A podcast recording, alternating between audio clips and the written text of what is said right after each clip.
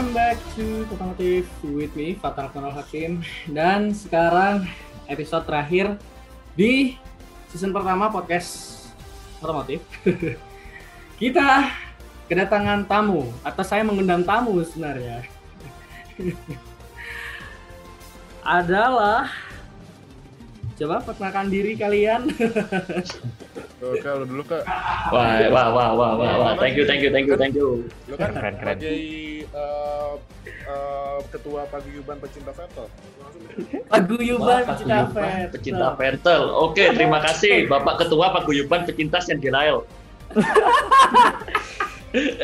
yuk, yuk, yuk, yuk, yuk, yuk, yuk. Buat pendengar otomotif semua, kenalin gua Oke dari WNF1. Yuk, lanjut ke ketua kita, ketua dulu. Paguyuban. Apa dia? Dulu. Noah Oh, doa dulu. Oke, silakan Doha. Halo semuanya pendengar Potmotif. Eh, iya kan namanya Potmotif ya? Ya, otomotif. Iya, Pot Otomotif. Kenalin, namaku Nuha. Aku juga adalah bagian dari WNF1 Podcast. So ya, nice to meet you all. Oke, eh, ya, eh, halo semuanya eh, buat para listener pod, podkomotif ya? Pod, Pod otomotif. podkomotif eh, gue Fadil, gue eh, sebagai salah satu bagian dari WNF1 dan kalau yang nonton YouTube pasti tahu gue sebagai orang yang ngomong Padang. Padang nih nggak nggak perfect gitu. Iya. Udah Minang Gaming deh. Udah Minang Gaming yang apa mainin F1 2020 dengan bahasa Indonesia ya. Iya. Ada yang komplain tuh, gak, gak bisa bahasa Padang, gak usah ngomong, gak usah ngomong Padang. Kurang aja. Apa lah? Wah, Bodoh amat. penting kopi mainnya. everyone has a has a drift uh, has a different kayak gimana ya? Punya punya punya ciri khasnya masing-masing lah gitu. Iya, Gak apa-apa. Juga apa-apa. sosmed.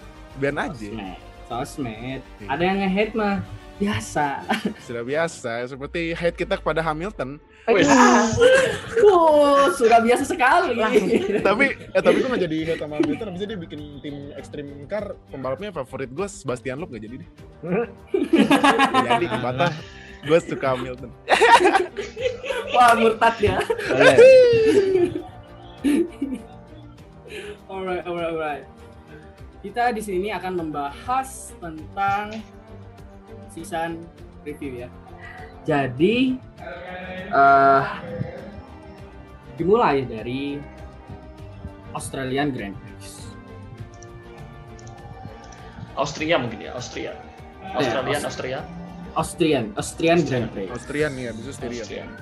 Ya, Styrian dan setelah-setelahnya itu yang pemenangnya sudah terprediksi dari awal sebenarnya ya. Iya, sampai bosan. Yang Nonton dari hybrid era ya. Tapi tapi walaupun keprediksi ya hasil race-nya apa per- apa jalannya race-nya pertama-tama eh unik. unik. Apalagi unik. Norris skenario 7 skenario 7 wah itu. Iya. Wow. Goks, goks, goks, Iya. goks.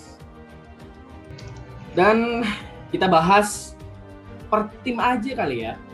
Kita Boleh, udah kita udah dapat datanya. Sebenarnya kita udah dapat datanya dari F1 Speed Indonesia di Instagram. Terima kasih kepada F1 Speed Indonesia telah meminjamkan saya data, memberikan saya data.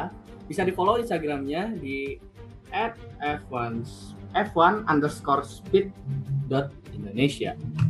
Alright, kita mau bahas dari yang lowest atau yang highest dulu. Eh, lowest dulu lah. Lowest. Biasanya kalau Lowest highest lah, itu lowest lah. main- Highest. eh, main event biasanya. Highest sudah tahu, semua highest sudah tahu. Gak apa, gak apa, gak apa. Lowest aja. Kita yang paling lowest ya berarti Haas, Iya. Bukannya Williams ya? Williams atau Haas? Williams. ya? Williams dong. Williams zero point soalnya. Oke, Williams. Williams ini klasemen akhir ya 10, total poin 0. Menutup season dengan cukup buruk. Kok cukup buruk lagi? Sangat buruk ya. Gimana nih? Kayaknya kayaknya first time ya dia ya. Iya enggak sih? First, first time.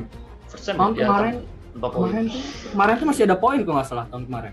Hmm. Ya enggak As? Masih ada poin kan tahun kemarin As? Gimana nih Dil? Hmm? Gimana? Apanya? Pendapat lu tentang Williams ini? Williams.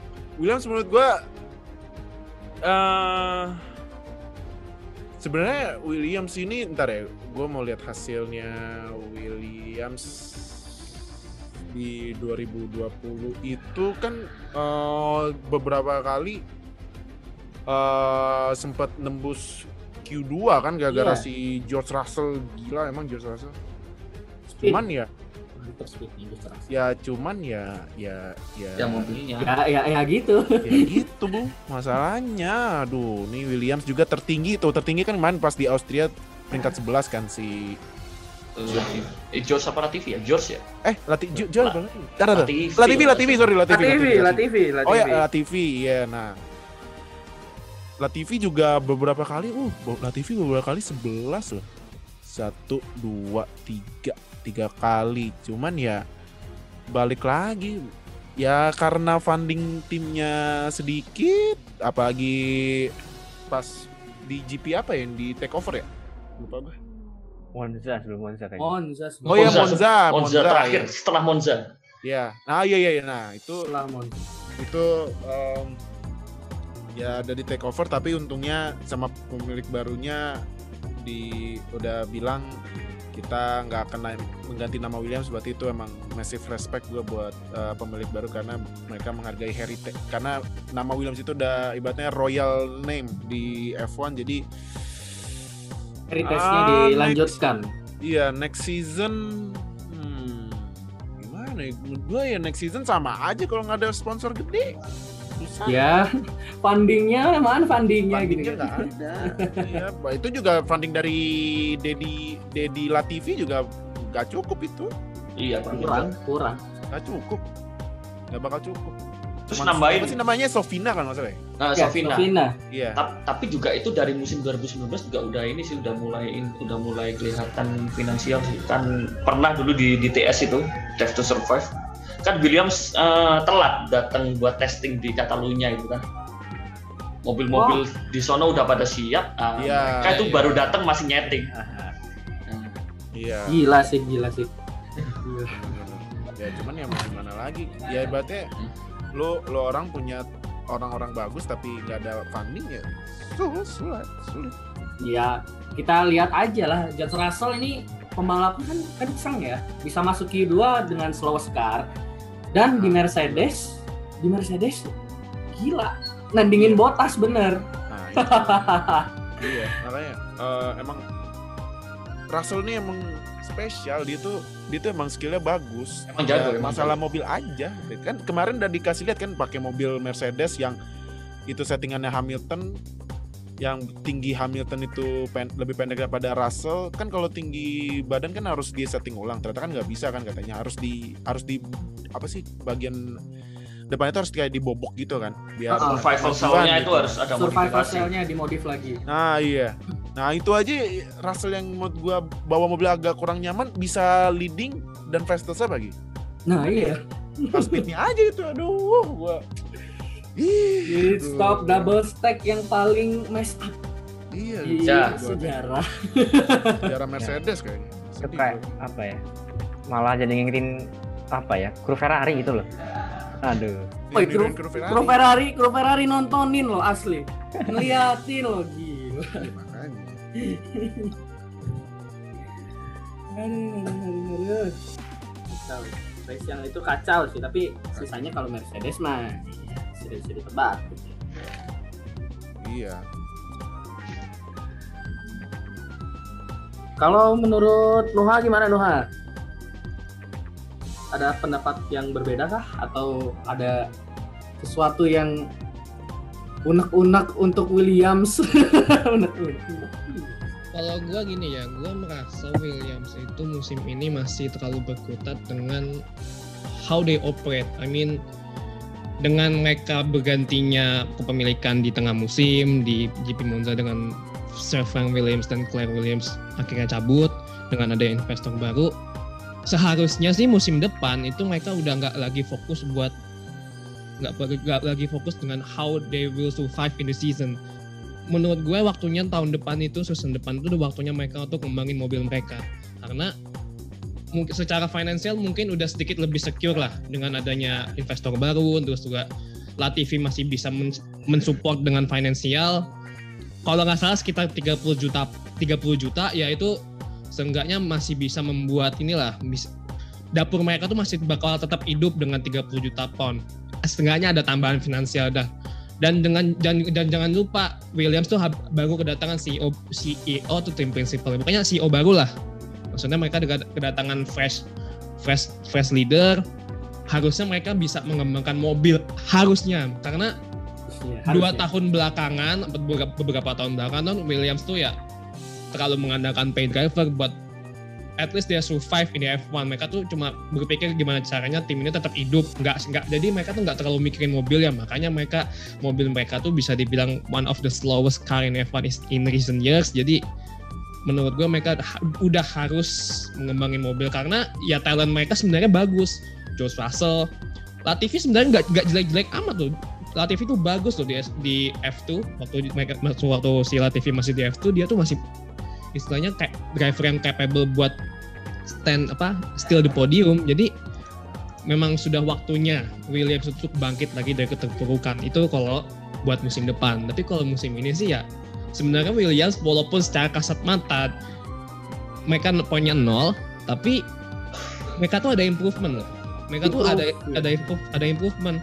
Speed mereka bisa speed mereka kalau misalnya dibandingin kan ketika di balapan tuh ada misalnya ada beberapa kayak Speed gitu ya perbandingan gitu mereka tuh udah bisa jauh lebih cepat satu dua detik. Which is good itu bagus. Maksudnya dengan tahun lalu mereka tuh lambat lambat banget sampai tahun ini walaupun sebenarnya masih lambat tapi mereka udah ada improvement dengan dengan mungkin dengan aero mereka. Me- speed mereka udah bagus cuman Williams tuh masih lemah di cornering. Itu kalau dari yang gue baca ya itu mereka tuh masih lemah di cornering. Makanya beberapa kali mereka tuh nggak terlalu bagus di corner kayak di belokan jebat memang udah cukup banyak improvementnya dan ya especially we have to take credit to Josh Russell lah ya. Itu ya asli. Hmm. talent yang benar-benar luar biasa jadi ya ditaruh di mobil lambat aja dia masih bisa tembus. Hampir Hmm. tembus Q3 malah hampir pernah. Tapi ya ya the, the key factor is the car ya. Gua gua sih berharap Williams improve sih buat tahun depan dan tahun depan kan juga tahun terakhirnya tahun kontrak terakhirnya Russell Williams Iya, kita lihat saja tahun depan. Dan gue tuh inget ada di track mana gitu ya. Gue lupa tracknya track mana. Williams tuh improve dari tahun kemarinnya itu sampai sedetik loh gila, sampai sedetik. Hmm. Ya cuman sedetik mobil lain juga improve. Iya, Ya, maksudnya mobilnya juga improve. Mobilnya juga improve, tapi improvement yang paling jauh itu kelihatannya di Williams. Iya. Dan itu sangat memalukan dibandingkan dengan Ferrari gitu. Jagoannya oh ya oh, gimana? itu gimana? Nah, Oke. sebagai fansnya gimana ya? Ya menerima kenyataan saja dengan Ferrari tahun ini, tapi Tifosi nangis aja Tifosi nangis Nangis, nangis. Ini kalau dilihat apa ya kayak tadi bicara soal Williams yang punya talent gitu ya. Kalau kita bahas secara detail eh, tentang eh, duel di sisi berapa kali sih mereka eh, eh, teammate battle-nya gitu. Nah ini eh, setelah dibandingkan duel kualifikasi antara George Russell dengan Nicolas Latifi itu eh, 16 kali loh George Russell eh, berada di atas eh, Nicolas Latifi gitu pas quali ya. Dan pas race itu 10 banding 6 Eh, Russell itu 10 dan Nicolas Latifi itu 6 jadi nah di antara dua apa ya dua driver ini tahun ini mungkin cenderungnya Russell sih. Tapi kalau tahun depan semoga ada improvement lah dari Nicolas Latifi Eh, sebenarnya karena walaupun di awal ya Latifi ini sem- sempat dicemooh gitu ya karena sering crash gitu waktu eh, sesi awal apa ya di praktis waktu di Austria Styria itu. Nanti kita lihat lah sebenarnya eh, talent-talent ini akan masih terus berkembang semoga ya. Ah, mungkin apa ya tadi terkait dengan crash juga mungkin emang apa ya butuh eh, adaptasi lagi kan dengan mobilnya. Apalagi dia juga baru di F1 gitu kan beda sama George Russell yang udah tahun gitu ya.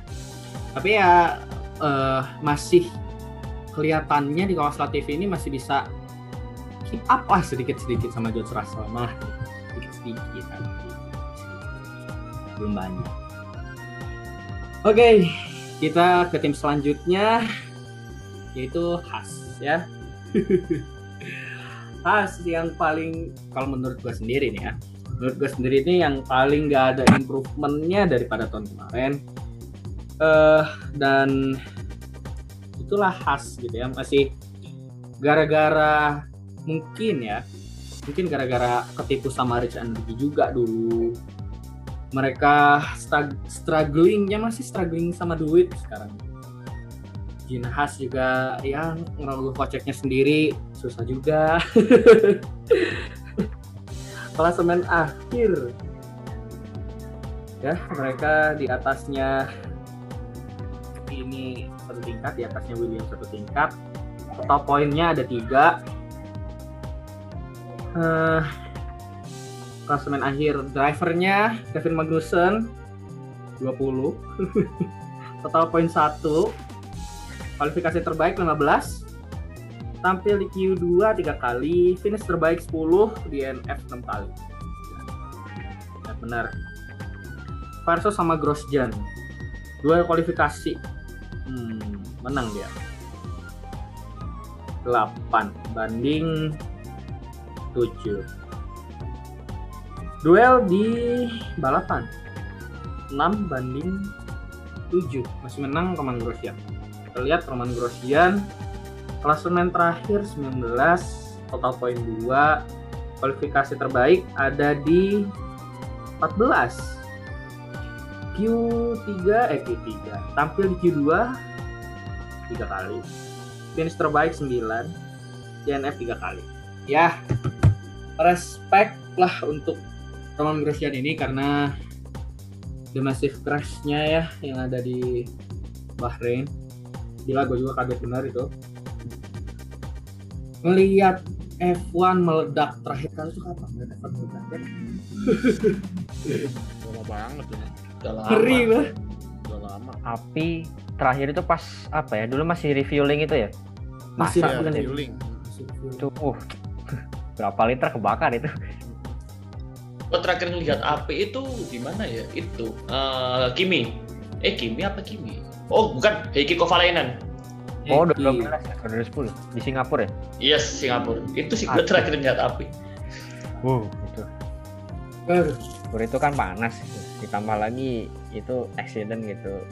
ngeri ngeri Untung Ya kalau crashnya sampai kebakar udah lama banget. iya sampai kebakar lama banget tapi ya mau gimana lagi mungkin itu error dari ya didesain eh, apa ya, struktur mobilnya itu emang kalau massive crash itu kan emang eh, patah ya dia ya. Emang harusnya patah bener kata FIA-nya yang gue baca ya. Eh, emang harus patah tapi kenapa meledak kata FIA ini? Jadi masih diinvestigasi. Mungkin tahun 2022 ya udah lebih aman lagi ya di sisi massive crash-nya. Eh, apa? Survival survival cell-nya Oke, dari Nuha dulu dah. Yuk. Kalau eh, khas nih gimana menurut lo? Apa yang harus dibenerin? Apa yang menjadi problematikanya season ini? Ya buat gua sih Hastrid musim ini eh, major disappointment ya. Maksudnya ya terlepas dari bagaimana mereka musim sebelumnya ketika Rich and try to up lah. Mereka mencoba untuk sponsor tapi ternyata duitnya nggak ada. Tahun ini tuh mereka ya ya memang cukup mengecewakan sih di, di hampir di semua performance ya mereka juga jangan tembus jangan dapat poin poin pun cuma dapat satu dari Kevin Magnussen aja. Terus juga ya internal.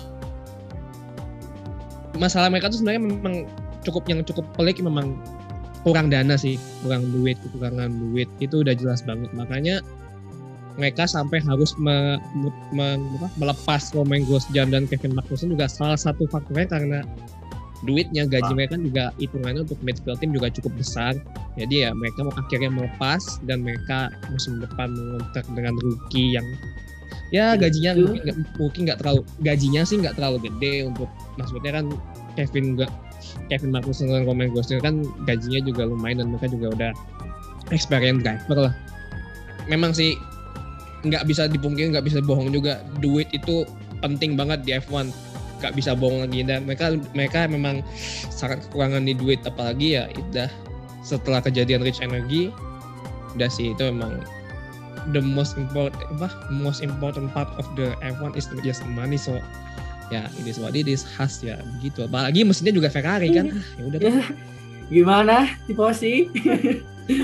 Kak, gimana tuh tim lu tuh Kak? Hmm, Oke, gimana oke?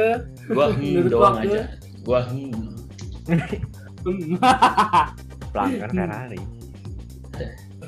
Iya, Ada. itulah. Ferrari mesinnya. Eh, apa ya? Sasisnya juga kurang mendukung ya sepertinya.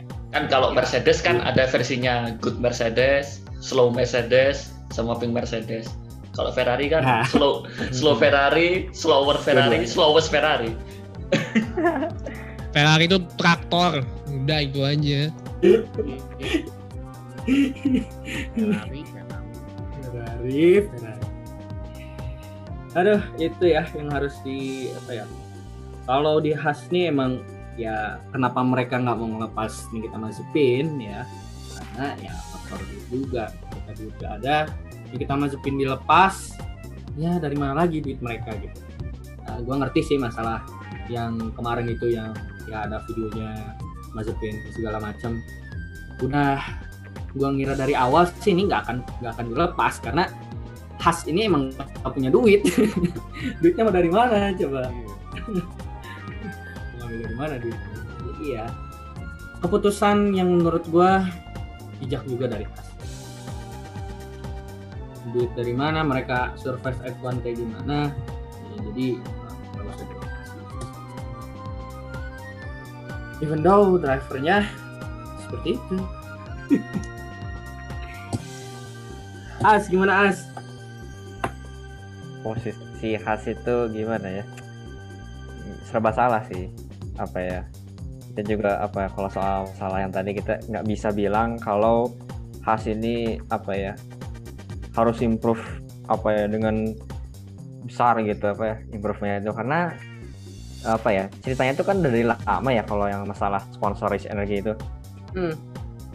dan sebenarnya skill lagi-lagi ini F1 ini yang namanya F1 itu eh, bukan pure motorsport gitu. Dia juga ada segi politiknya ada segi dari segi keuangan juga main lah di situ itu betul banget sih kalau buat masalah pendanaan mungkin ini adalah jalan terakhir gitu ya Yaps.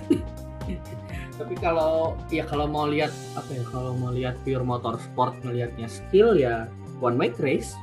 Mau lihat mau lihat pure skill mah one make race gitu. Ya ITCC ngeliat di Indonesia mau mau lihat mau lihat pure skill ya ITCC lihat ITCC. ITCC 500 atau just one make race gitu ya. Ya itu ngelihat gitu skillnya sebagus mana. Oke, kita move on lagi ke tim yang di atasnya khas, yaitu Alfa Romeo. Klasemen terakhir 8, poinnya 8 juga. Makanya cantik ya 88. Kimi Räikkönen, klasemen terakhir 16, total poin 4, kualifikasi terbaik 8, Q3 sekali, Q2 tiga kali, finish terbaik 9, DNF 1. The most experienced driver sekarang ya. Yes. Kimi, Kimi, kapan keluarnya? Kasihlah kursimu untuk anak baru. Duel sama Giovinazzi. Kualifikasi kalah eh, 8 berbanding 9. Kalau di balapannya 12 banding 5. Hmm, Kimi masih on fire. udah tua. Oke, Giovinazzi uh, klasemen terakhir 17, total poin 4, kualifikasi terbaik 10, Q3 sekali, Q2 3 kali. Finish terbaiknya ke-9 di NF-nya 3. Oke.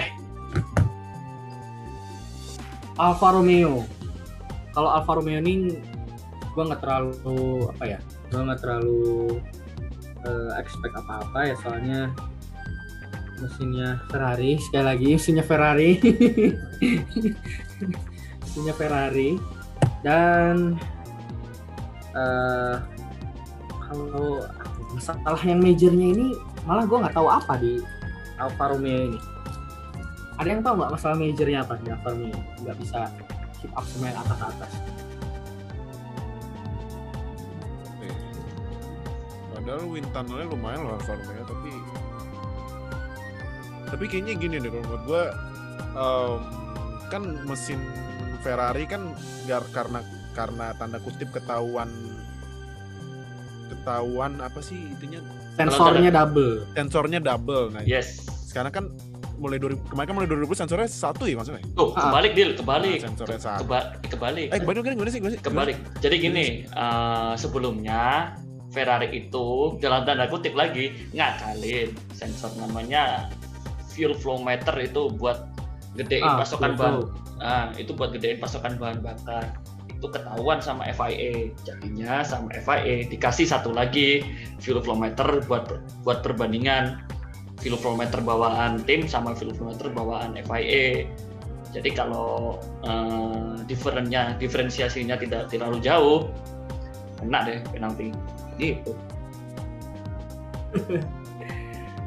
Padahal ya tadi juga Romeo itu udah punya tunnel. ya. Maksudnya Sauber itu udah punya wind tunnel udah lama gitu ya. Tapi nggak dipakai. Tapi semenjak ada di backing sama Alfa Romeo ya dipakai lagi. Ada duitnya buat ngejalanin si wind tunnelnya itu.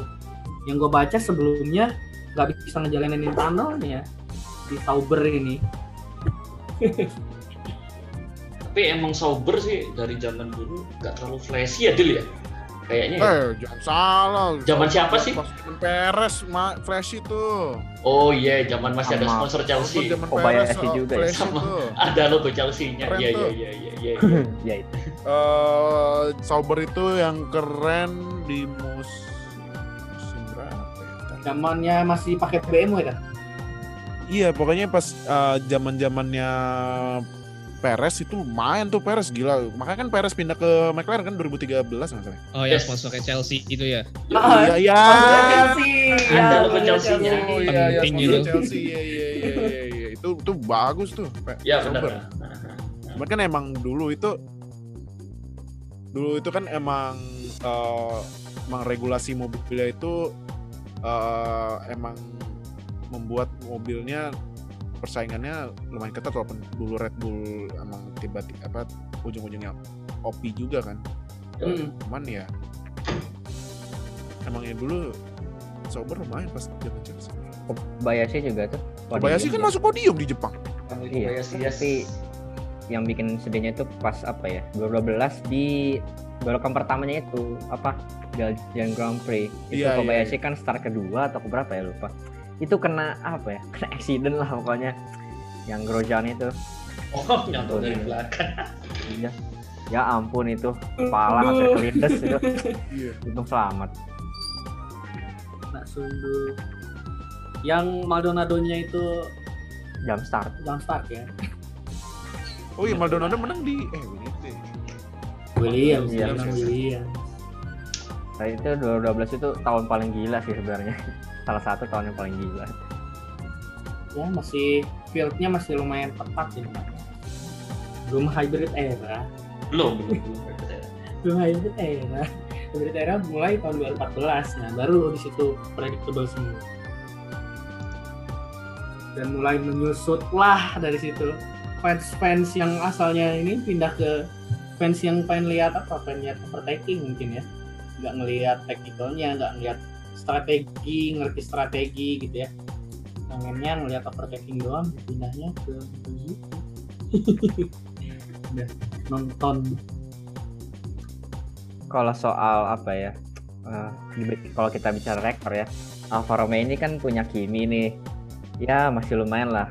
Eh, Ada di experience track itu ya masih kelihatan actionnya tuh kayak ya walaupun pernah nabrak Russell gitu ya tapi selain itu kayak pas duel sama Stroll di Monza itu kan kelihatan tuh pas dia kesalip ya si Kimi kesalip. Nah si Kimi itu dia bisa langsung apa ya nge-close gap gitu. Dia masih bisa bersaing setelah disalip gitu. Berarti kan itu ketahuan gitu kalau di situ skillnya dia tuh masih ada gitu. Berarti Dan- kalau setidaknya kalau mobilnya kayak bisa improve lagi eh, Kimi itu masih bisa lah bersaing di situ. Dengan ya kalau kita lihat dari sejarahnya ya Kimi Räikkönen itu kan dia apa ya partisipan paling banyak gitu ya kalau nggak salah angkanya 330 berapa kali Iya. bal start balap ya dia Dia dia paling banyak balapan. Paling banyak Nah, balapan. Itu dia itu Kimi juga balapan buat ngisi waktu luang aja. Hobi- Iya, santuy-santuy. Orang Kimi kan di 2020 kena penaltinya lumayan banyak, Bang. Lumayan banyak. Si Kimi dapat Iya, penalti. Penalti waktu. Bikin.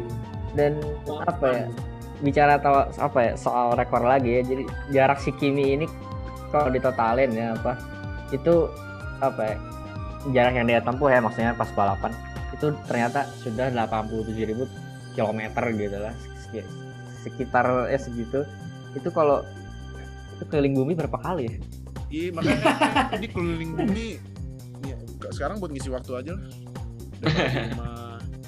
Di rumah ngeliatin nonton. anak, ngeliatin anak, nangis, pusing kan. Nah, udahlah. Gua ngurusin mobil aja, ngurusin mobil. Biar istri bini gua aja yang ngurusin anaknya. keren sih masih punya Kimi nanti harapannya Giovinazzi ini ayolah kayak tunjukkanlah skillmu gitu yang ya walaupun sebenarnya Jesus. start startnya sih dia bagus kalau Giovinazzi kalau pas start balapan itu lumayan agresif tapi mainnya ya masih agak aman lah Oh, Kimi juga waktu di Mugello kalau nggak salah. Startnya bagus. Oh iya, apalagi sampai di P6. Portimao juga Sampai P6. Portimao Portimao atau Mugello sih? Portimao Portimao ya? Yang Yang dari P6, P16 sampai P6. Hmm. Oh iya, yang 10 posisi dalam satu lap itu ya. Yes. Ini. Yang racing lainnya tuh unik karena dia udah dapat gripnya sama apa ya namanya? Mungkin suhu bannya udah tepat ya jadi udah pede aja nyelip nyelip nyelip set langsung masuk top 10 top 6 ya. Ya kelihatan kok pembalap yang emang punya skill itu pasti beda. Iya, pasti beda sih. Gara Walaupun hujan walaupun ada di mobil yang pelan, tapi skillnya kelihatan walaupun orang-orang masih belum pada dapat suhu ban yang enak buat buat apa ya operating temperature-nya belum benar gitu. Eh, si Kimi udah dapat tuh. Apalagi yang udah ngikutin Kimi dari lama. Tuh kayak Fadil tuh pemuja Kimi. Kimi loh, dari Sauber dong. Dari Sauber Petronas para hijau biru. Sauber, terus ke McLaren 2000 2005 ya? Tiga malah. 2003. oh 2005 tuh yang pas di Tiga Opik udah nantangin udah nantangin Michael Michael Schumacher. Iya loh. Terus 2004 jelek, 2005 nantangin Alonso, 2006 jelek, 2007 ke Ferrari Jor- Jordan. Terakhir tuh Ferrari juara dunia sama Kimi ah, habis itu. Habis itu mana? Ah, Alonso aja yang udah di Ferrari uh, dua kali chance uh, juara dunia digagalin sama timnya sendiri. Vettel juga Iya, Fer. aduh Master Blend. apalagi 2018 Aduh. Ah, nabrak. Aduh, GP Jerman. Ah, Ah, nabrak. Buka buka lama sih. disappointment Udah yuk, kita move on yuk. Udah yuk, move on yuk. Ah, ke mana ke Udah, yuk. Ferrari yang satu lagi Ke yang merah dulu atau nih? Sesuai klasmen aja, sesuai klasmen aja. Apa nomor nomor 7 apa nomor 7? Alfa Tauri. Oh, Alfa Tauri. Oke, Alfa Tauri. Total poinnya 107. Pierre Gasly. Pas klasemen akhir 10, total poinnya 75, kualifikasi terbaik 4, Q3 11 kali, podium sekali, menang sekali di DNF 3 kali. Kalau dan Fiat, klasemen 14, total poin 32, kualifikasi terbaik 6, tampil di Q3 4 kali, podium 0, finish terbaik keempat, DNF sekali. Duelnya menang menang Pergasti jelas. Kualifikasi mau race juga menang Pergasti kalau kualifikasi 13 banding 4 8 9 banding Oke, okay, Alpha Tauri ini yang gue pengen sorotin yaitu menang kemenangannya. kemenangannya di GP Monza. Cukup shocking ya ada battle di akhir-akhir itu sama Carlos Sainz kejar-kejaran ya mungkin Carlos Sainznya kena dirty air kalau banyak dirty air ya jadi nggak dapat dan Alpha Tauri ini kalau dipegangnya sama Pierre Gasly kayaknya kenceng lumayan iya cuman gimana ya uh, sebenarnya Kvyat juga sama Kvyat juga lumayan abis kan Kvyat kan sempat juara tiga tuh ya ya kan? ke empat sih. Eh ketiga tuh tahun Tiga. kemarin. Eh ketiga. Oh, tahun kemarin. Eh, ntar, ntar, gue Di Imola sih gua bisa keempat ya. megang Yang dia nyalip tiga orang itu ya di lap-lap akhir itu gila. nih. Banget terbaik ke Fiat 4. Iya, nekat Oh, banget ya. keempat ya? Sorry, sorry. 4. Um, oh iya keempat. Nah, ini kalau gue kan uh, di IG follow ada nama akunnya F1 Visualize itu, wah ini rekomend banget nih akun uh, F1 Visualize. Uh, Hmm. Jadi uh, hasil-hasil dibikin kayak visualisasi dua dimensi gitu lah. Nah, uh, ini kalau statsnya uh, Alpha Tauri kan gak sih menang kan? Mm-mm. kalau ke Fiat ini paling tinggi 4. Nah, um, kalau dari kalau dilihat dari perbandingannya ini Gasly yang finish di poin itu 1 2 eh 2 4 5 8 9 10 kali. Ke Fiat masuk po- poin itu 2 3 4 6 7 7 kali. Nah, ya menurut gue tuh uh, Alpha Tauri itu ya hasilnya walaupun men- menang sih ya melebihi ekspektasi gua man Hmm? melebihi ekspektasi gua Melebihi ya. iya malah justru malah melebihi ekspektasi gua karena gua kira ya Alfa Tauri ya karena tim B-nya Red Bull ya ya udahlah mainnya ah, di range dari 10 sampai 7 cuman ya walaupun finishnya ke 7 kan nggak salah ya Iya, setuju. nah tapi tapi jarak poinnya sama Ferrari dikit kan nggak salah ya Dikit dikit.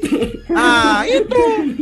Itu yang gua pointing out. Nah itu.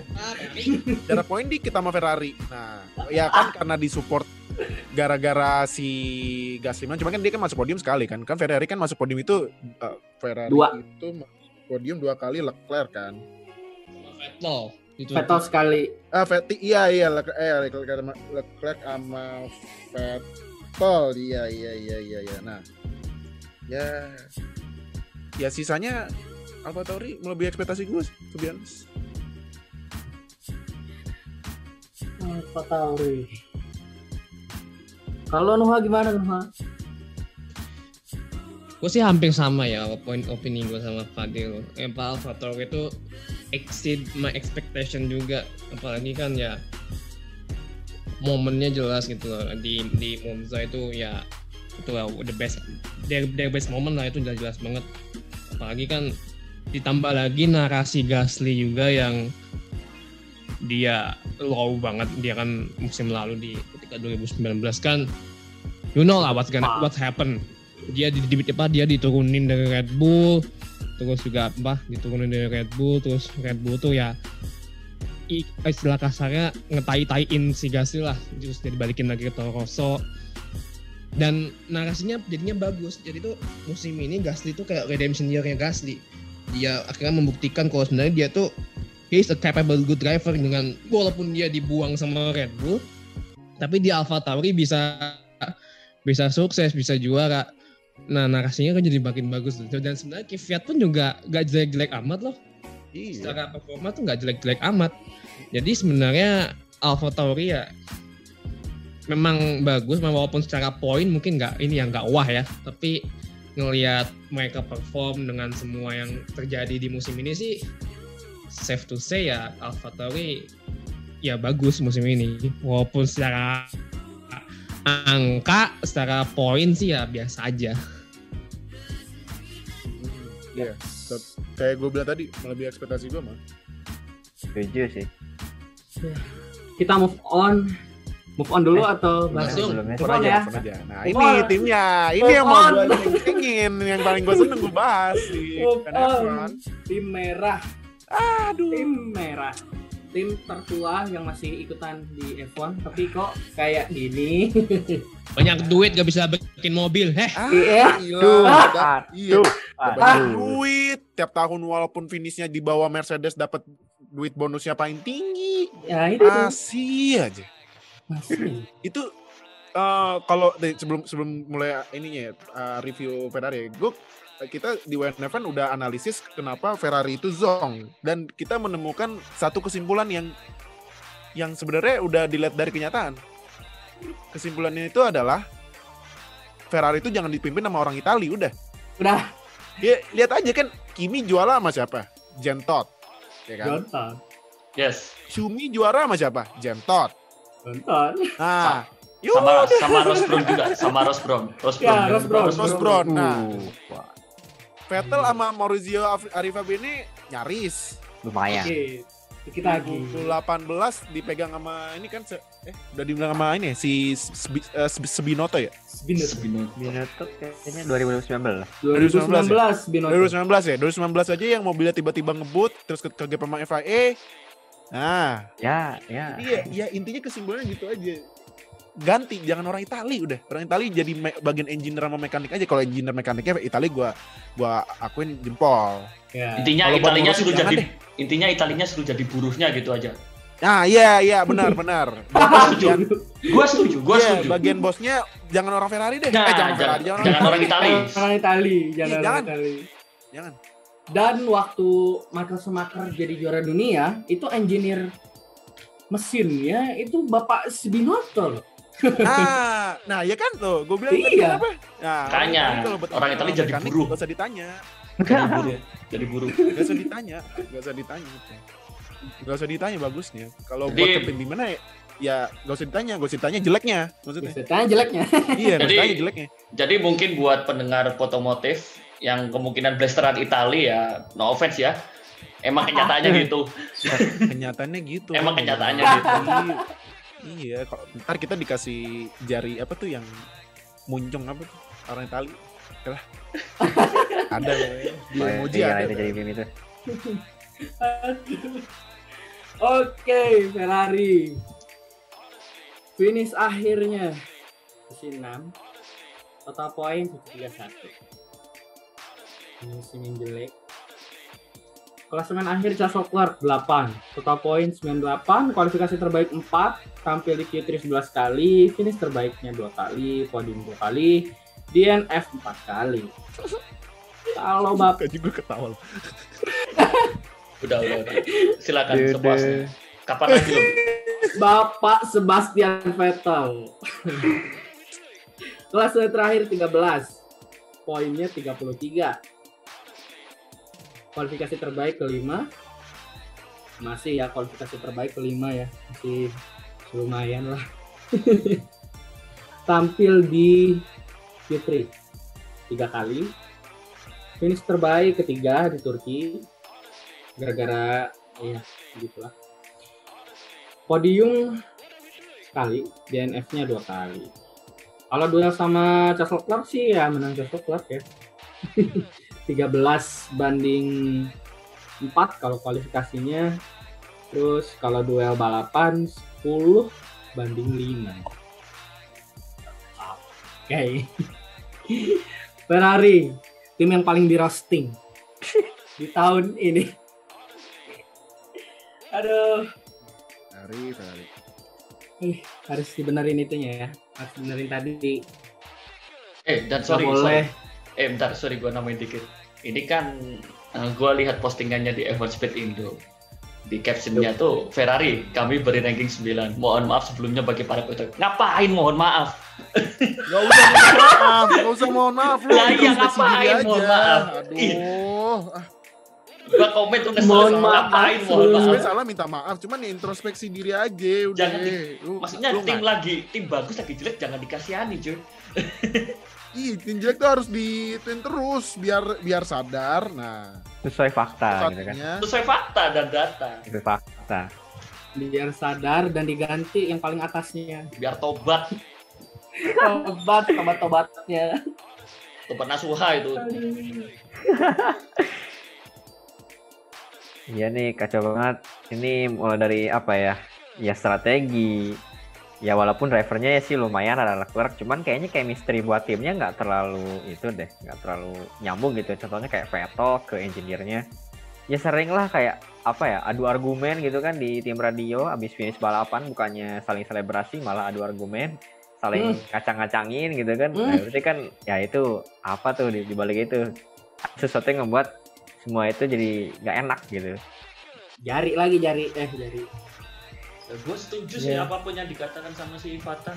Ya, it is what it is. Itu yang semua yang terjadi. Very this It is what it is. Ya benar, udah nggak bisa di denial lagi. Mau cari pembelaan apa Ferrari? Ya, itu tim F1 apa partai politik sih, banyak politiknya. itu egonya tuh aduh ampun ego Itali belum pernah gue lihat itu tim seego itu dan Iya, sehancur itu gitu. Iya makanya. Jadi mungkin gini ya. Bisa dikatakan dulu kan Ferrari udah pernah sukses sama orang luar. Kenapa mereka nggak mau ngelakuin gitu lagi sih? nah itu Ya ya ego Italinya tinggi, the pride of Italian itu tinggi, the pride of Italian Idealis mungkin. Italia itu tinggi. ah banget sih itu Terus pengen idealis kayak apa ya nggak ada, nggak ada idealis, nggak ada idealis, nggak ada nggak ada. Mana ada? F1 mah adanya realistis, guys, bukan idealis. Iya, idealisnya buat Ferrari aja udah. iya Oh, udah Iya udah. sih.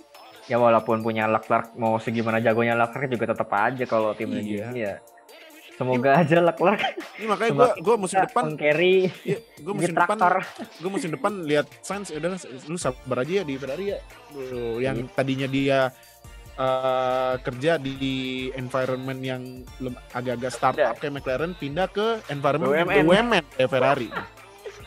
Ya pagi semangat pagi deh. Aduh, aduh, aduh. semangat pagi Jadi nyerah. Iya, aduh, apel pagi mulu deh. Aduh, aduh, aduh, aduh, aduh. Lagu kebangsaan dulu sebelum kerja gitu ya Iya. Nah, Aduh, aduh, aduh, aduh. makanya kangen dia sama kangen kangen sama. Lando pasti kangen sama Iya. Lando. Sama Norris bisa diajak main game. Ini sama Leclerc bukan diajak main game dia ini suruh gosip-gosip. Iya eh, itu yuk lihat mobil yuk. Eh, iya iya kita eh, lari pagi yuk, yuk. keliling Sehat. Italia yuk. Lari pagi udah lari pagi lihat mobil lagi. Aja gitu terus aja terus Ferrari Ferrari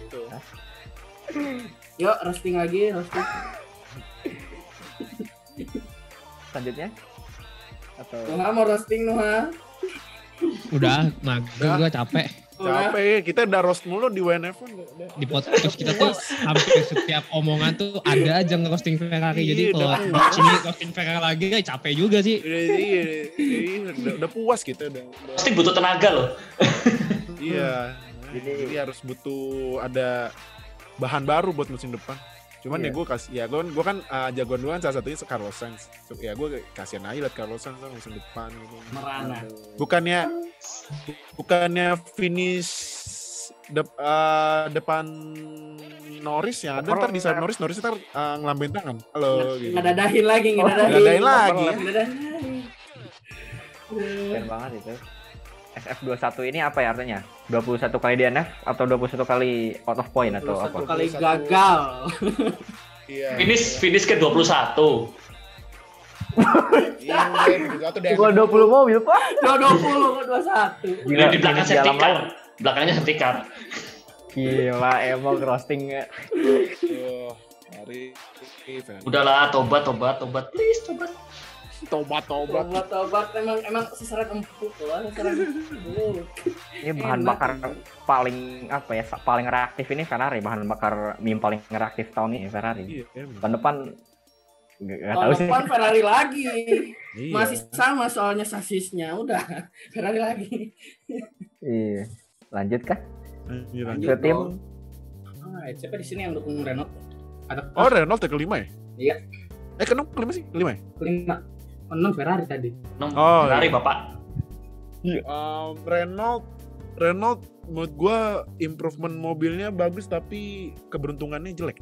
Iya, lah, kurang. Jelek banget. Walaupun sempat masuk podium ya si Ocon yang di ini apa di GP apa tuh GP Here. Sakir ya? Sakir. Sakir, sakir. Iya kan? Ocon. Sakir miskin. Cuman ya ya ya keberuntungannya menurut gua kurang hoki. Ini kalau lihat dari hasilnya Renault ini hasil race-nya Ocon yang paling tinggi peringkat dua, Ricciardo tiga, dua kali peringkat tiga. Nah itu ditunggu tuh ntar si uh, siapa? Ricky. Uh, Eh, Abitable, Ricky. uh. Alonso. Nambah-nambah tato. Iya. Atau dulu. Dua ya- podium. Tapi emang tapi Renault lumayan sih sebenarnya gua. Tapi tetap sesuai kalau kalau Renault sih gue sesuai ekspektasi. Kalau Ferrari kan bodoh amat kan. Nah, kalau kalau kalau Alfa Tauri di atas ekspektasi gua. Kalau Haas Al- Alfa Romeo itu sesuai ekspektasi, Williams masih sesuai. Williams Renault, masih Renault sesuai bagus improvement. Gue malah menurut gue Renault bakal teman nggak tahu sama Alonso sih ya. Ah, itu. Alonso mah Dia Alonso sih orangnya. Alonso kayaknya bakal kayak Raikkonen mengisi waktu luang. Atau buat bantu ini kali bantu buat 2022 mungkin. Eh, bantu bantu development paling. Iya. Oh, Bantu development. Karena emang experience driver juga walaupun udah nggak balap 2 tahun ya. Iya. Ya mungkin Alonso take a step back kayak Kimi kan balik ke tim rookie-nya dulu. Eh tim masa mudanya dulu. Raikkonen kan di Sauber Hmm. juga dulu. Pulang kampung. debutnya. Iya, Ya pulang kampung. Hmm. pulang kampung makanya. Ya. Yang driver test dulu kemarin. Yang, Yang driver tanda kutip yang tanda kutip yang Yang Anjir ada Alonso, ada siapa? Buemi. ada. Buemi bang. Orang-orang yang Aduh. Van Dorn. Aduh. Oke, klasemen akhir Dani Ricciardo kelima, total poinnya 119, kualifikasi terbaik 4, tampil di Q3 14 kali, podium 2 kali, finish terbaik Fitri ya tadi Fitrinya 2 kali, DNF-nya sekali. Dua kualifikasi menang sih. Menang. Nah, jauh. 15 banding 2 sama Ocon. Duel balapan 13 banding 4. Kalau Ocon sendiri klasemennya 12, total poinnya 62. Kualifikasi terbaik 5, tampil di Q3 8 kali. Podium sekali, finish terbaik itu, DNF-nya banyak 4 kali. Ya, Renault ini ya lumayan improve dari tahun kemarin. Ya, apa yang harus diperbaikin mungkin eh, apa ya speednya mungkin tapi speednya pernah yang paling kenceng Iya, loh. dia, dia Renault Sa- emang eh, menurut gua kan emang improvement paling gede kan Renault. yang kan ya Williams masanya improvement ya improvement tim lain juga improve. Iya, cuman kalau menurut gua improvement yang paling kelihatan Renault menurut gua.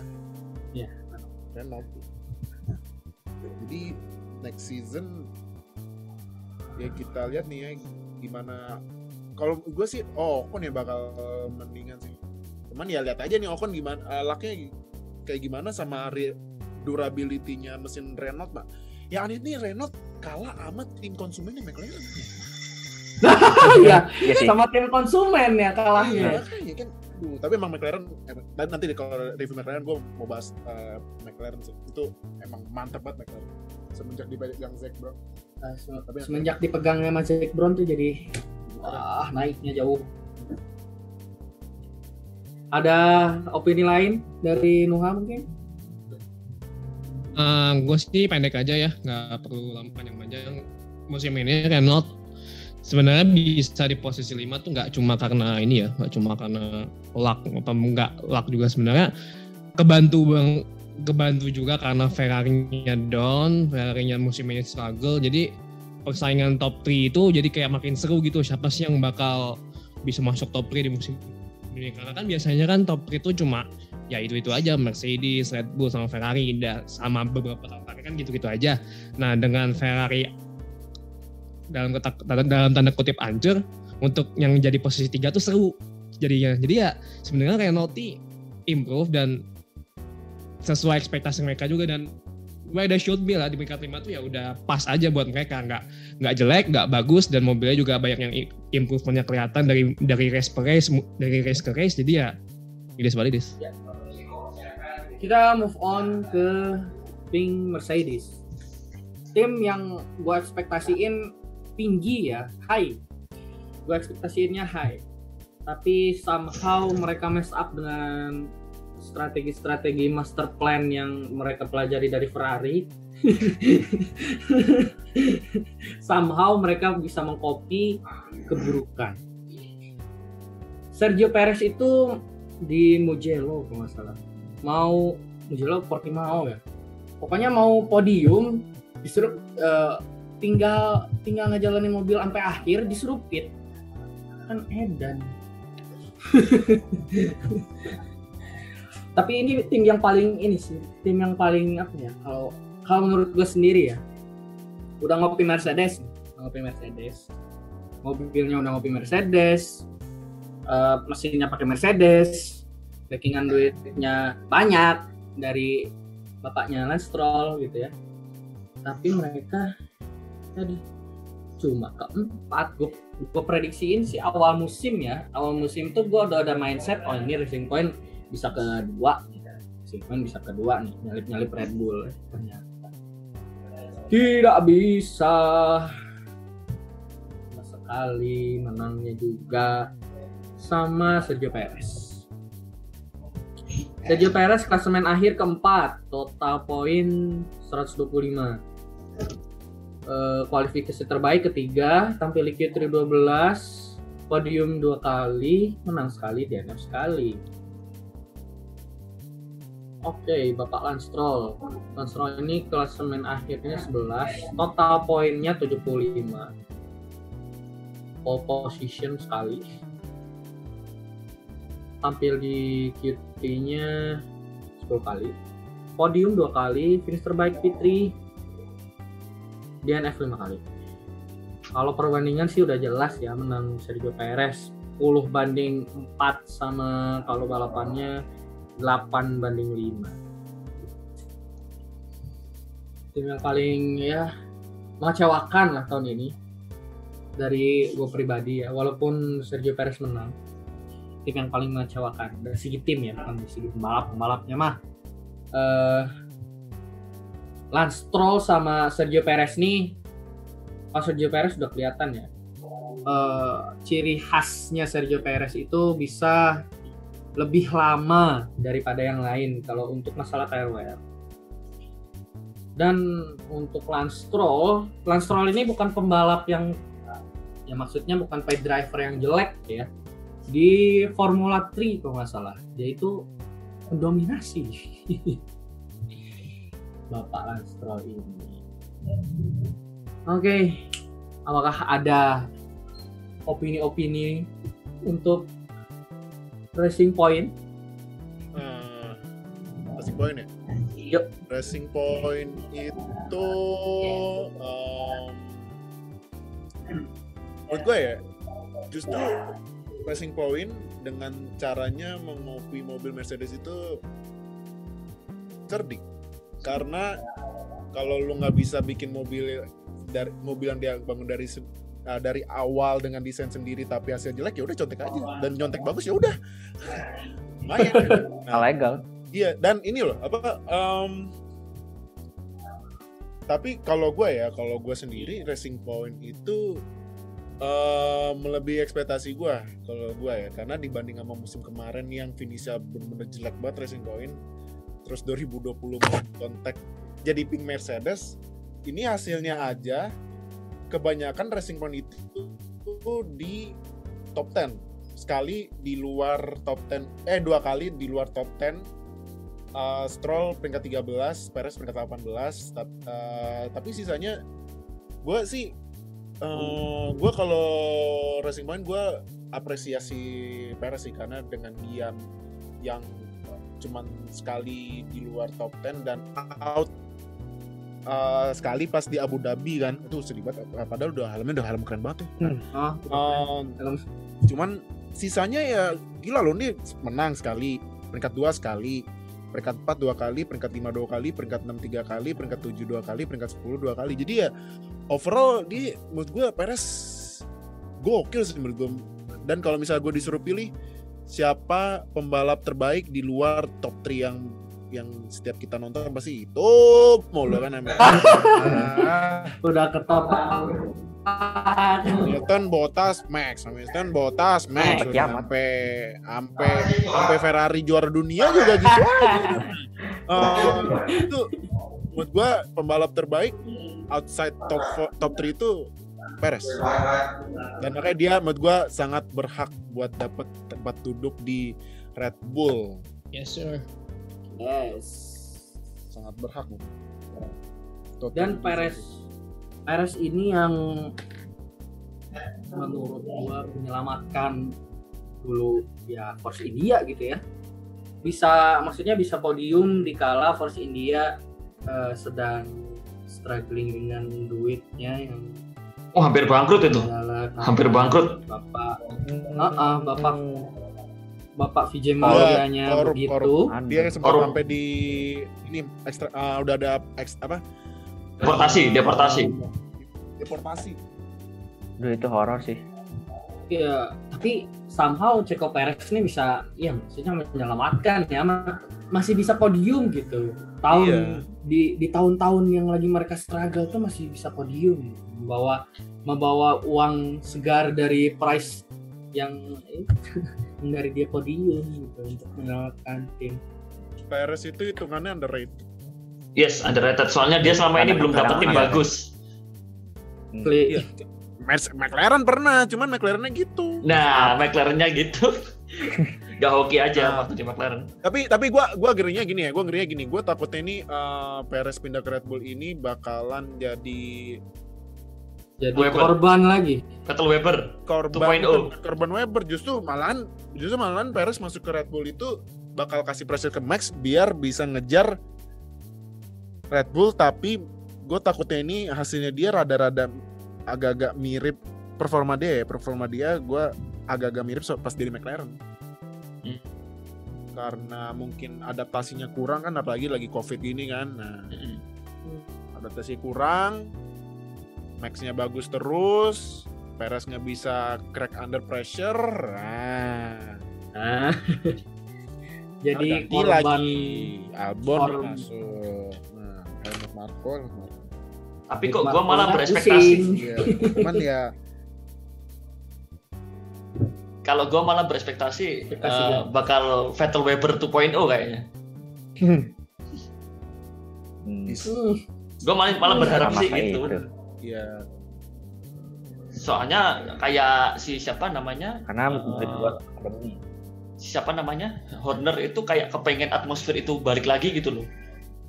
Ya Red Bull dominate dominasi pemain gua apa? Balapan posisi one two nya itu dari mereka gitu. Kayak pengen banget gitu kayak gitu.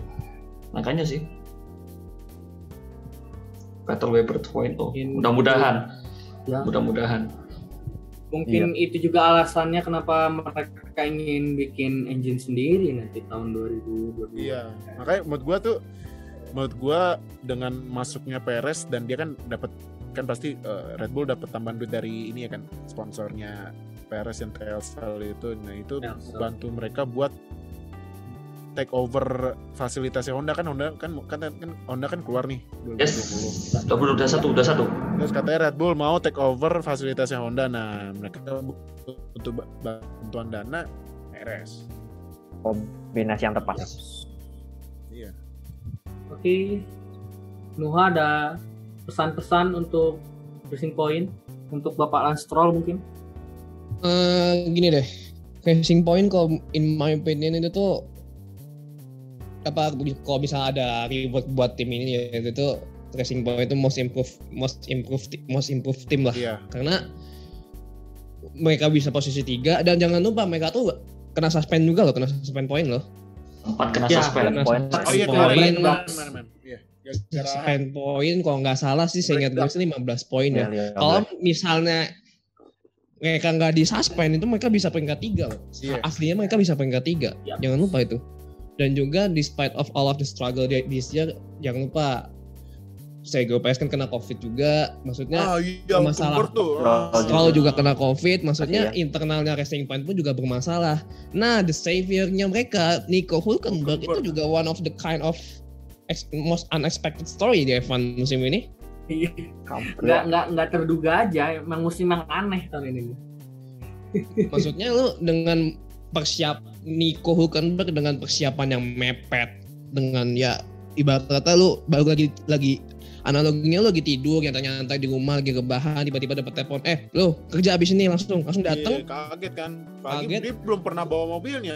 Aduh. nih. belum pernah bawa mobil dengan adaptasi adaptasi dengan mobil yang terbatas di apa 70 GP Grand Prix itu kan dia bisa Fitri. posisi tiga Iya, posisi tiga itu ya gimana ya itu kayak bisa menjelaskan how good their car is gitu maksudnya dan mau nggak cuma mobilnya aja yang oke Nico Hulkenbergnya juga is capable to drive in any kind of car in F1 gitu jadi Most ya versatile. nggak- cuma versatile aja emang Nico Hulkenberg tuh emang driver bagus cuman emang dia memang kurang lucknya aja nggak belum belum beruntung aja musim apa belum beruntung aja belum ada F, tim F1 yang mau signing dia lagi tapi emang kalau dinilai secara musim ini memang Racing Point itu ya ya awalnya kan kayak oh copycat Mercedes, pink Mercedes, etc. etc. Tapi ya mereka tetap bisa compete dan mereka juga bisa podium, mereka bisa juara, mereka bisa ambil pole position sama Lance Stroll ya itu juga maksudnya dengan perjuangan gak gampang juga gitu maksudnya ya gue setuju musim itu nggak mungkin itu menurut gue the best midfield team sih di di, di, di atasnya McLaren kalau buat gue Racing Point Dan ya balik lagi ya kalau misalnya nyontek tapi hasilnya bagus nyontek aja nggak apa-apa. Daripada kayak Ferrari gitu. Ferrari lagi Gak usah bahas tim merah dah udah. Bisa di atas tim merah nggak ada yang merah nggak ada merah merahnya. merah-merahnya Merahnya juga cuman Red Bull itu juga kan dominan Navy. Navy. Hmm. Ada Mercedes ada merahnya Oh, oh di Neosnya Di Neos doang ya. Ah, dominannya hitam sama silver. iya oke kita move Wait, ini apa ya? Tadi kan bahas Perez sama Hulkenberg ya. Nah, ini kok malah apa ya? Kayak ter apa terpicu sama Lance Stroll gitu ya karena kalau misalnya dilihat dari tahun kemarin perasaan Lance Stroll ini dia nggak masuk apa ya jarang masuk top 10 loh. Makanya di standingnya dia ke- waktu tahun kemarin itu ke 15 tapi sekarang dia itu bisa eh, 11 gitu bisa ke 11 berarti kan itu improve tuh. Improve Ya, jauh. berarti tahun depannya ya semoga Lance Stroll ini dia bisa improve lagi gitu. Bersama Sebastian Vettel gitu ya dia bisa apa tukar-tukar informasi lah. diajarin lah sama Vettel Menurut saya Lance Stroll ini bisa ke depannya dia bisa improve. Nanti nanti. Vettel masuk, ntar paling bilang ke Stroll, nah lu kan enak balapan pakai duit bapak lo, nah lu mainin Hmm. bener, nah gua ajarin gimana cara, cara mainnya bener ya gitu, ikutin aja. Iya. Iya. Gak walaupun gua nanti jadi wingman walaupun gua ntar di Aston Martin jadi pembalap kedua, tapi lu belajar dulu dari, dari gua yang udah senior gitu. Nggak ya itu. Aduh. Walaupun walaupun ya Racing Point ini ya ada permainan keluarganya ya, tapi ya lumayan juga. Ya permainan keluarga tapi hasilnya bagus ya. Ya, Kan kenapa nggak- enggak?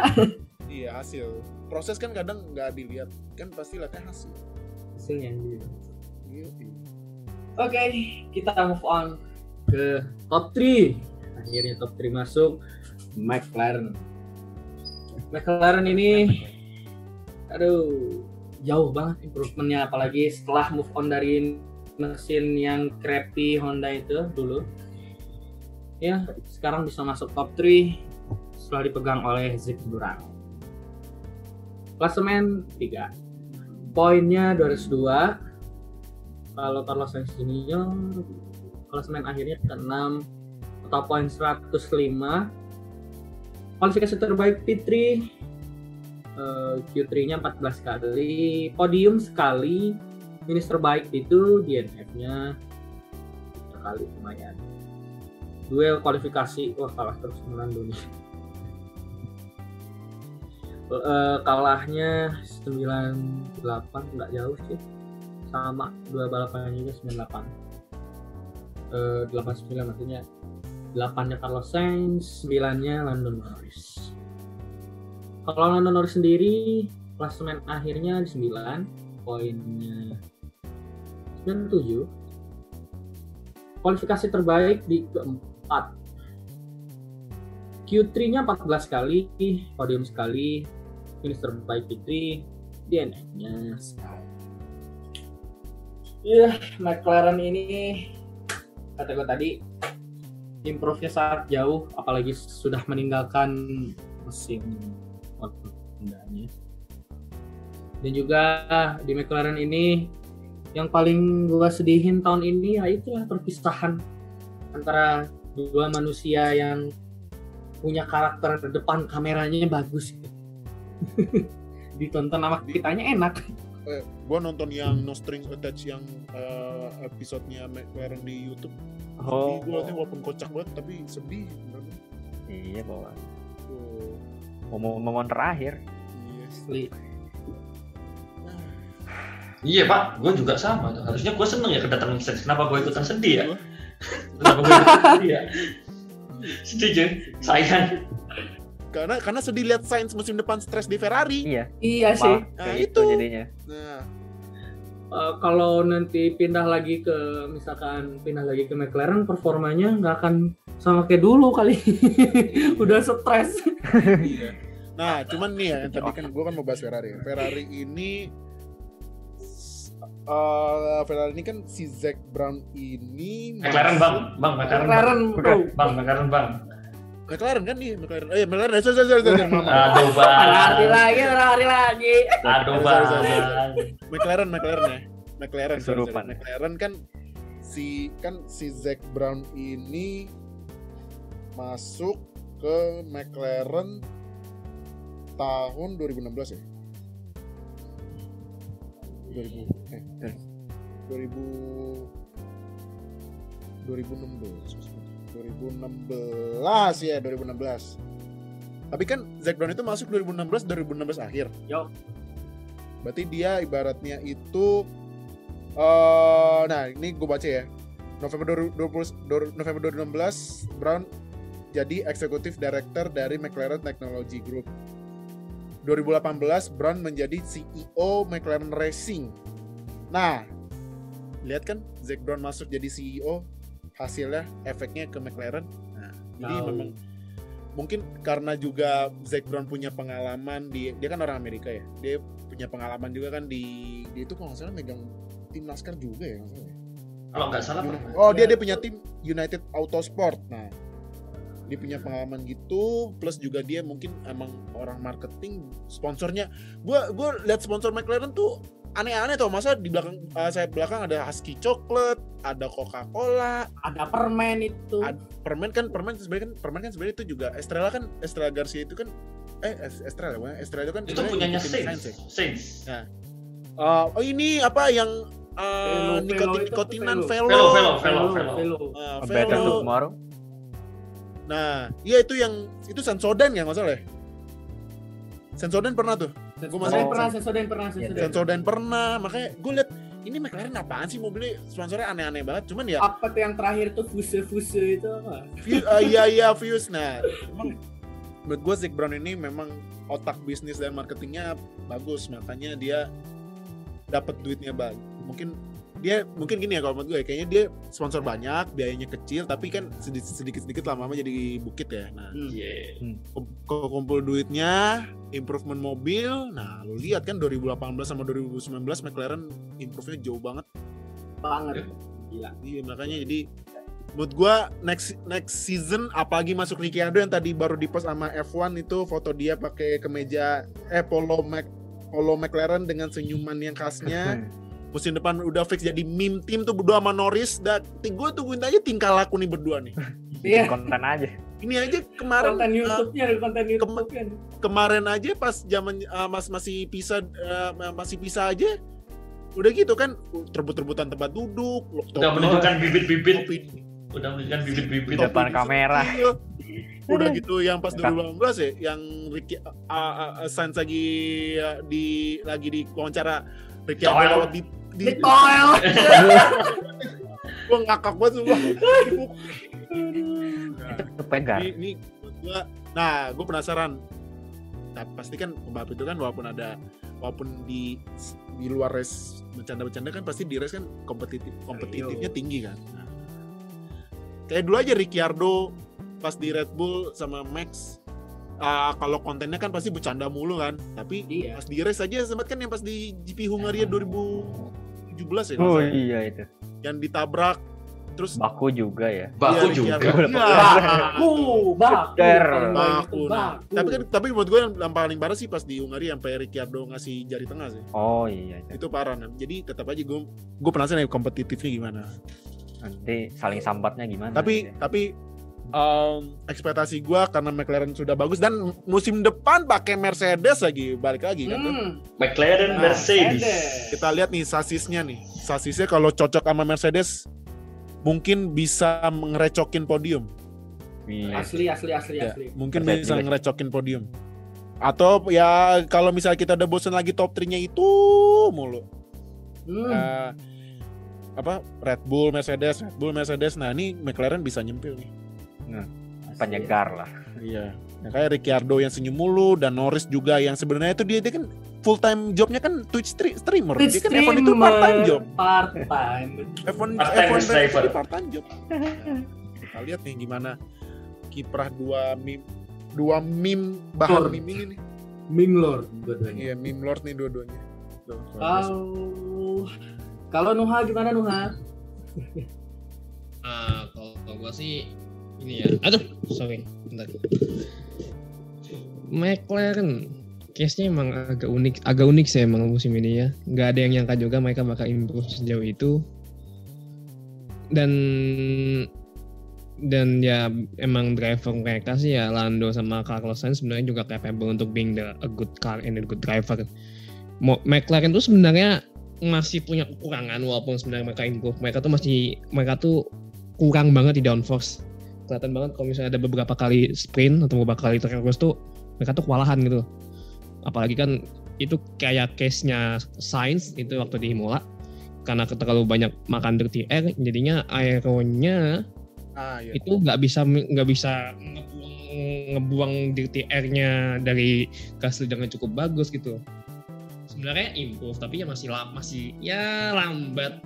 Kebantu karena kebantu karena posisi mereka cukup gede cukup tinggi ya. Mereka bisa podium beberapa kali podium. Dan juga mereka ya inilah solid lah di midfield gitu. Dan battle of midfield mereka kan juga sebenarnya poinnya juga tipis-tipis gitu. Antara antara McLaren Racing Point sama Renault tuh juga tipis-tipis tuh. Sampai akhir duel duel tiga tim itu tuh tipis poinnya.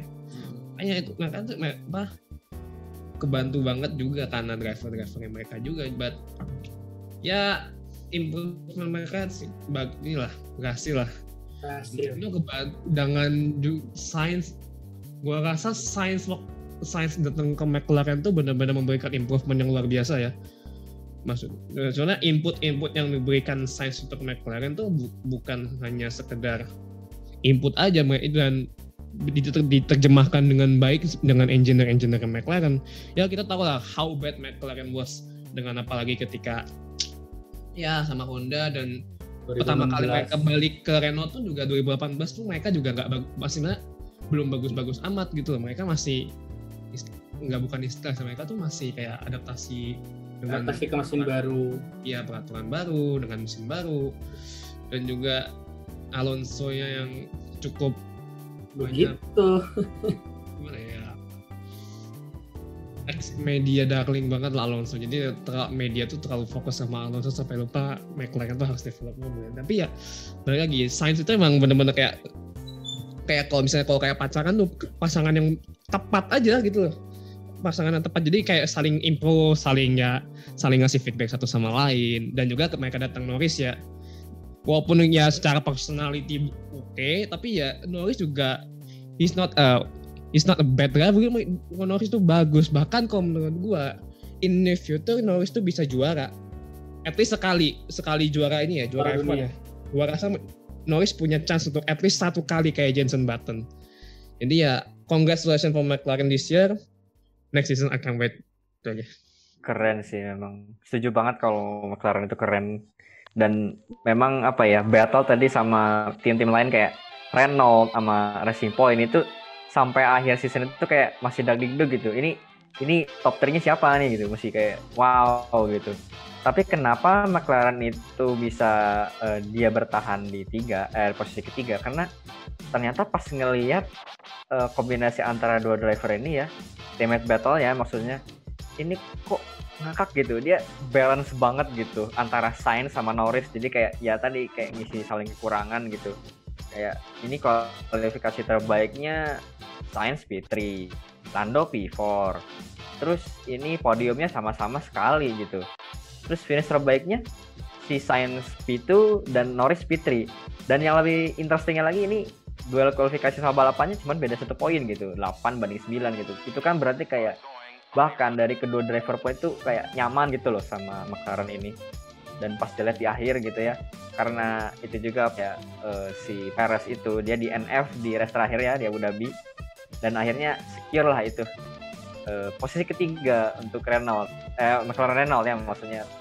Congrats lah luar biasa Renault ini.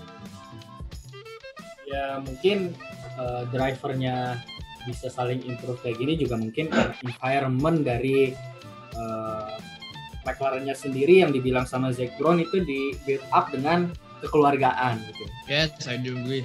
Exactly. Nggak kayak yang um. paling penting itu di situ sih. Timnya uh, mensupportnya itu uh, kayak kayak kan kayak keluarga gitu lebih maksudnya lebih lebih enak aja gitu ya itu kayak ya, ya, ya bergaulnya gitu ya itu atmosfer yang dibawa Zack Brown itu ke McLaren Ya nggak kayak tim yang kuda melayang itu kuda yang ke mana-mana itu. Bro itu kuda pincang bro kasihan dia jingkrak mulu pincang loh lama Udah jengking. Kalau lu denger kan Zack Brown kalau di tim radio ya kayak kayak teman gitu ke Morris sama Sainz. Enggak, enggak kayak slow button on, slow button on. Slow button, slow button, slow button on. Kayak robot. You did a great job. You did a great job. Dikacangin lagi.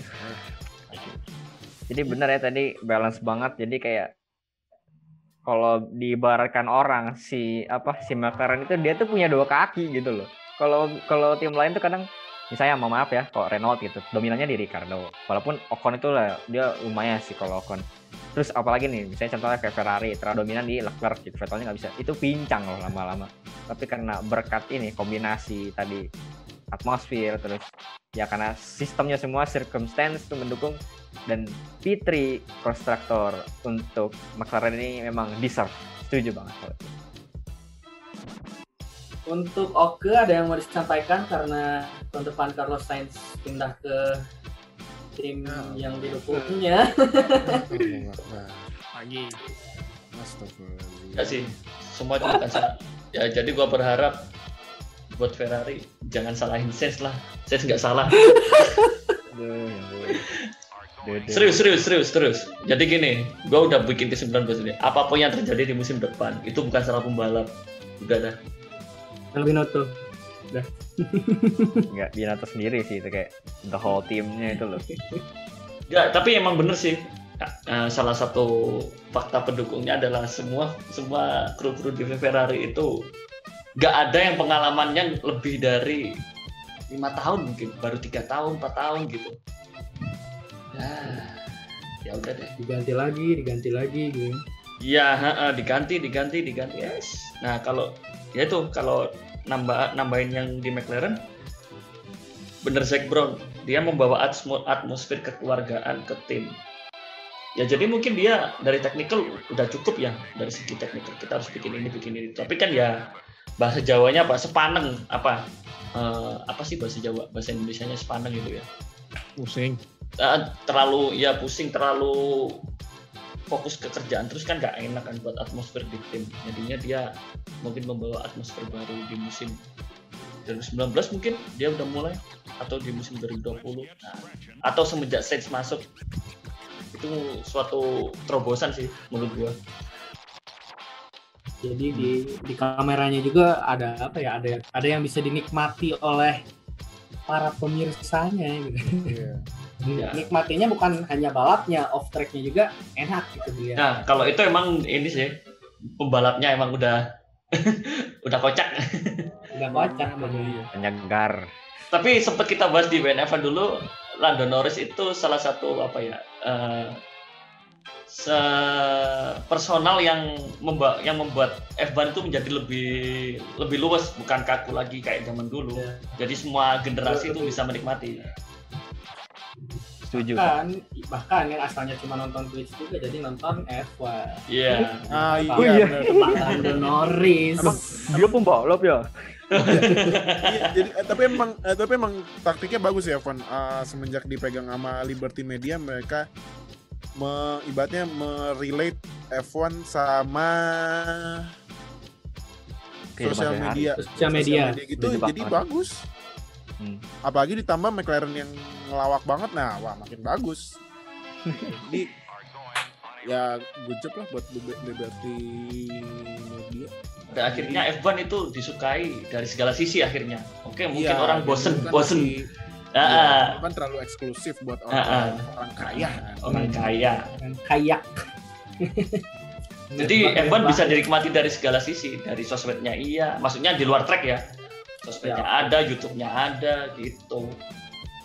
Mungkin Grill the Grid, eh Grill the Grid tuh kayaknya udah mulai enggak deh. Grill Grill Grill yang- itu Sebelum Liberty udah 2016 ya Ah, itu nggak kurang. enggak, enggak, kurang enggak. sih kurang kurang kaku. Lebih lebih kurang lagi sosmednya Ferrari kaku banget. Iya. lagi. Nggak jelas. Bikin game tapi kakunya ya ampun. Nah, itu ngantuk bro itu ini Nggak nggak jelas. jelas. Asli. Sana. Oke. Kita move on lagi ke Red Bull yang finish di posisi 2. Total poinnya 319. Eh, klasemen terakhir Max Verstappen ketiga. Total poin 214, pole position 1, Q3-nya 17. Podium ini tampil Q3 ya. Tampil, tampil di Q3-nya 17 kali, podiumnya 11 kali. Menang 2 kali, DNF 5 kali. Alexander Albon, klasemen terakhir 7. Total poinnya 105. Kualifikasi terbaik P4 tampil di Q3 4 kali, aduh sedih. Podiumnya dua kali, finish terbaik Q3, DNF sekali. Jelas ya yang eh, duel teammate ini menangnya Max Verstappen. Kualifikasi aja 17 17 tadi no. 17 kos Iya emang ya bro ya menghambat. Bro. Albon tuh menghambat eh, menghambat Red Bull buat ngejar Mac- eh, Mercedes masalahnya. Ini nih masalahnya ada di gue pengen gue pengen eh, sorotin di Red Bull nih ini masalahnya di Red Bullnya atau di pembalapnya karena Ah. kita udah dua kali ngelihat nih kayak gini nih Kalau- gua gua sih masalahnya di Albon karena Albon itu dia nggak bisa crack under pressure. Press, Si- habisnya gini loh, gini. Ibaratnya ya, Ah. ini tim punya dua pembalap yang mengoperasikan mobilnya yang pasti yang memberikan hasil kan, ya kan. Nah, Hmm. ini yang satu dominan banget, Max. Tapi kok ini satu mobilnya sama persis kenapa hasilnya jelek banget? Nah, berarti kan pasti kan kayak ibaratnya nih di eh, ditanyain, eh ini eh, si Max bagus kenapa lu mainnya jelek mulu kok mobil sama persis kok gitu. Nah, itu kan pasti kan pressure kan. Ya. Ini ditambah Max sempat menang juga. Nah, pressure makin tinggi ya Al- sayangnya Albon yang nggak nggak bisa crack under pressure jadi ya ya udah Padahal nggak mengawali nggak bisa Ada. mengejar Mercedes. Jadi ibaratnya tuh uh, Max setiap abis race itu uh, pergi ke Haji Naim pijet itu punggung Sa- capek dia bawa Red Bull di punggungnya gitu. Carry. Iya, mi- pijet dulu panggil gue masas mulu kali kayaknya tuh. capek dia. Gitu. Jadi ya ya dengan kepu- menurut gue keputusan ambil Perez tepat. Ya, walaupun dibilang Albon kasih nama ya Albon yang nggak bisa nggak bisa nggak bisa mentalnya masih mentalnya nggak bisa ini nggak bisa uh, melawan pressure ya udah Ya inilah kompetisi gitu kan Iya. siapa yang lebih unggul dia bertahan gitu. nah siapa yang unggul dia bertahan siapa yang nggak unggul caw tuh Nah, dan gua nambahin, Kalau gua nambahin dulu bentar. Eh, salah satu langkah Red Bull me- apa, mempekerjakan dua pembalap muda juga menurut gua salah sih. Hmm. Nah, teman gini loh, cuman menurut gua ya, eh Red Bull ini kan memang dia kan memang mengutamakan akademi drivernya. Tapi ini berarti ya eh, Perez ini pasti one off gitu loh, satu sekali sat- eh, sat- satu tahun aja. Nah, jadi dengan ini Perez ya ini buat gambarannya Red Bull gimana nih petanya buat di 2021 mereka nih bakal ditaruh di mana di peta persaingannya gitu. Jadi ya kalau kalau menurut gue ya kalau misalnya Red Bull salah mainin dua pembalap muda ya ya ya contohnya aja Max aja oh, bagus banget gitu. Bukan maksud gua, maksudnya bukan maksud gua Max John. Dua pembalap muda dia maksud gua. Harusnya kan Max Iya. udah jago. Tandemnya harusnya yang lebih pengalaman gitu, jangan yang muda juga. Kan gambling Iya, jatuhnya. cuman iya cuman kalau tapi sebenarnya ini nggak nggak apple to apple ya. Cuman kalau misalnya di, dibandingin sama dua pembalap muda ya lihat coba aja lihat Sainz sama Norris. Imbang ya. imbang. Cuman cuman emang ya ya ya emang bisa, ekspektasinya nggak, Red Bull ke ekspektasi. pembalapnya sama ekspektasi McLaren. Ya, Beda. beda, beda, beda, beda. Tapi Beda. mungkin Red Bull ini nggak menemukan resep gimana caranya mengoptimalisasikan dua pembalap muda gitu. Makanya nih dicoba makanya dicoba lagi kayak zaman Vettel Weber. Satu satu Weber. muda satu tuan nah, penasaran gue makanya kalau misalnya Tata bagus ya Begitu. nggak mau nih diperpanjang kontraknya harus main lah. Terpanjang sih. Tapi tapi yang di bawahnya menangis. nah itu pembalap akademinya Suruh Ini- develop lagi gue gitu. penasaran nih ya kalau Yuki Tsunoda mainnya bagus banget di Alfa Tauri wah Wah, Tidak, tidak menutup wah kemungkinan. ini bakal tidak menutup kemungkinan tetap Red Bull. 2022. gila gue langsung deh beli merchnya Yuki Tsunoda Uh. Keren-keren sih itu. eh, serius, serius, serius. Red Bull. Gimana nih, Noha? Gini, Red Bull musim ini tuh gue disclaimer dulu ya, gue fans Red Bull. Tapi bukan berarti op- opini gue ini tuh bias ya. Gue tuh menilai menilai Red Bull tuh selalu ob- selalu objektif. Selalu begitu. Entah itu di WNF1 apa pun gue selalu menilai Red Bull dengan objektif. Red Bull menurut gue musim ini tuh mengecewakan. Buat gue ya, Apa tuh?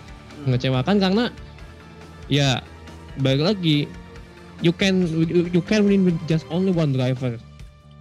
Iya. Lu nggak bisa menang cuma dengan satu driver aja. Lu tuh pasti butuh dua driver. Ketika satu driver yang mungkin DNF atau misalnya nggak nggak cukup. Nah, driver kedua itu tuh tugasnya driver kedua. In this case, Albon tuh nggak bisa melakukan hal itu. Ya, iya, benar. Red Bull itu tim yang udah di set untuk win champion. Udah, itu udah standarnya tuh mereka udah tinggi. Jadi siapa pun yang bakal drive di sana udah harus bisa udah harus bisa at least menang Grand Prix. Udah itu standarnya seperti itu, nggak akan bisa berubah lagi. Eh, Max Verstappen bisa untuk menghandle ekspektasi itu. Nah, drivernya yang kedua ini yang harus bisa menghandle ekspektasi itu. Albon nggak Albon sejauh ini, oke lah ketika mungkin musim lalu ketika di 2019 ketika si Albon mengganti Gasly, performanya terlihat menjanjikan. Garis bawahi, terlihat, Hmm. terlihat menjanjikan di musim ini ternyata di setengah race awal itu Albon tuh struggle banget, struggle nggak kayak gimana ya? Albon tuh kayak nggak sanggup untuk menghandle pressure yang datang ke dia. Ya Red Bull tuh win yang tim yang memang untuk menang, untuk champion, untuk menantang Mercedes. Jadi ya jadi siapa pun driver yang di situ harus kuat dengan pressure yang datang ke pressure yang dikasih ke Iya. dia. Jadi ya Albon gua rasa memang layak untuk di ini, memang layak untuk di, untuk di demote musim ini karena ya performanya dia struggle. Oke m- mungkin di beberapa, beberapa race ada yang dia podium, tapi ya itu dulu kayak kurang istilahnya kayak Red Bull itu udah kayak ngasih deadline. Lu kalau misalnya nggak perform bagus sampai sampai di race ini ini ini ya bersiap siap-siap aja lu bakal di demote and Iya. it happen. Walaupun dia podium tapi akhirnya ujung-ujungnya juga juga diganti karena ya Red Bull mau menang intinya sih itu nggak udah standar mereka udah tinggi banget jadi siapa pun yang di situ balik lagi harus bisa handle pressure-nya itu jadi ya nggak sanggup kalau misalnya lu cuma ngandelin Max Verstappen itu aja sih Dan iya, kalau gue boleh nambahin juga ditambah Christian Horner itu orangnya nyonyor. Iya. nyonyor di media, dia ngomong belak-belakan. Uh, Kalau lu nonton di kalau lu nonton Drive to Survive kan dia yang pas dia sempet senggol-senggolan sama Abitable Iya, karena iya. deal-dealan mesin Renault kan dia mulutnya kan gak, gak di filter. nah, Hmm. iya kan? Jadi jadi ya ya ibaratnya masuk Red Bull, Red Bull iya pembalapnya muda-muda cuman ya lu bisa tahan gak sama bos yang Nyonyor. yang nyonyor gitu yang ngomongnya aja eh, nggak bisa ditahan kalau misalnya nggak bisa ya nggak udah cuma nyonyor juga set the bar-nya juga tinggi gitu kalau lo nggak Nah, nggak nggak mampu itu. exceed their expectation ya siap-siap aja Kar- bakal di demote Iya karena karena ya Red Bull udah ada sejarah juara constructor dan championship driver. Masa Iya. masa masa langsung diturunin drastis kayak Iya. Williams kan enggak. Hmm. Gitu. dan jauh. konsisten apalagi 10 juga tahun terakhir konsisten. apalagi juga ditambah Red Bull itu adalah media jerk. Apa pun demi demi media gitu. Jadi ya ya, ya kalau misalnya nggak bisa nggak bisa melawan pressure kayak Albon ya sorry itu saya ya kalau misalnya di sini ada yang dengerin ada yang Hence Oh, Albon. ya truth or kenyataannya memang pahit gimana dong Iya. Walaupun kayak di awal itu orang itu bilang, oh itu Albon itu pasti menang tuh di GP yang waktu itu di single Hamilton itu. Ya itu mungkin ya bisa sih, cuman pas ke sini ke sininya kita lihat, oh kok dia tiba-tiba berubah jadi spesies baru ya. Spinatimus Albon ya, dia ngespin loh pas dikejar Sainz di Imola, nggak tahu kenapa ya. Ya kurang grip atau grogi atau kenapa. Ya ceroboh lah intinya gitu. Pressure, pressure. Balik Pressure. lagi.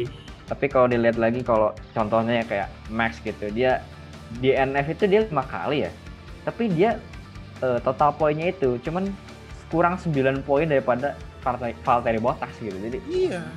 Kalau gila nih, banget sih Max ini.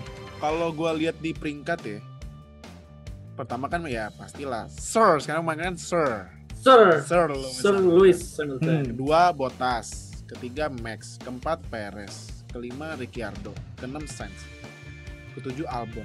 Dan lu bayangin aja ke-8 Leclerc tim merah tuh yang kudanya tuh kapan dia duduknya ya? Nggak capek apa Iya, dari enggak Nah, enggak duduk-duduk. Iya.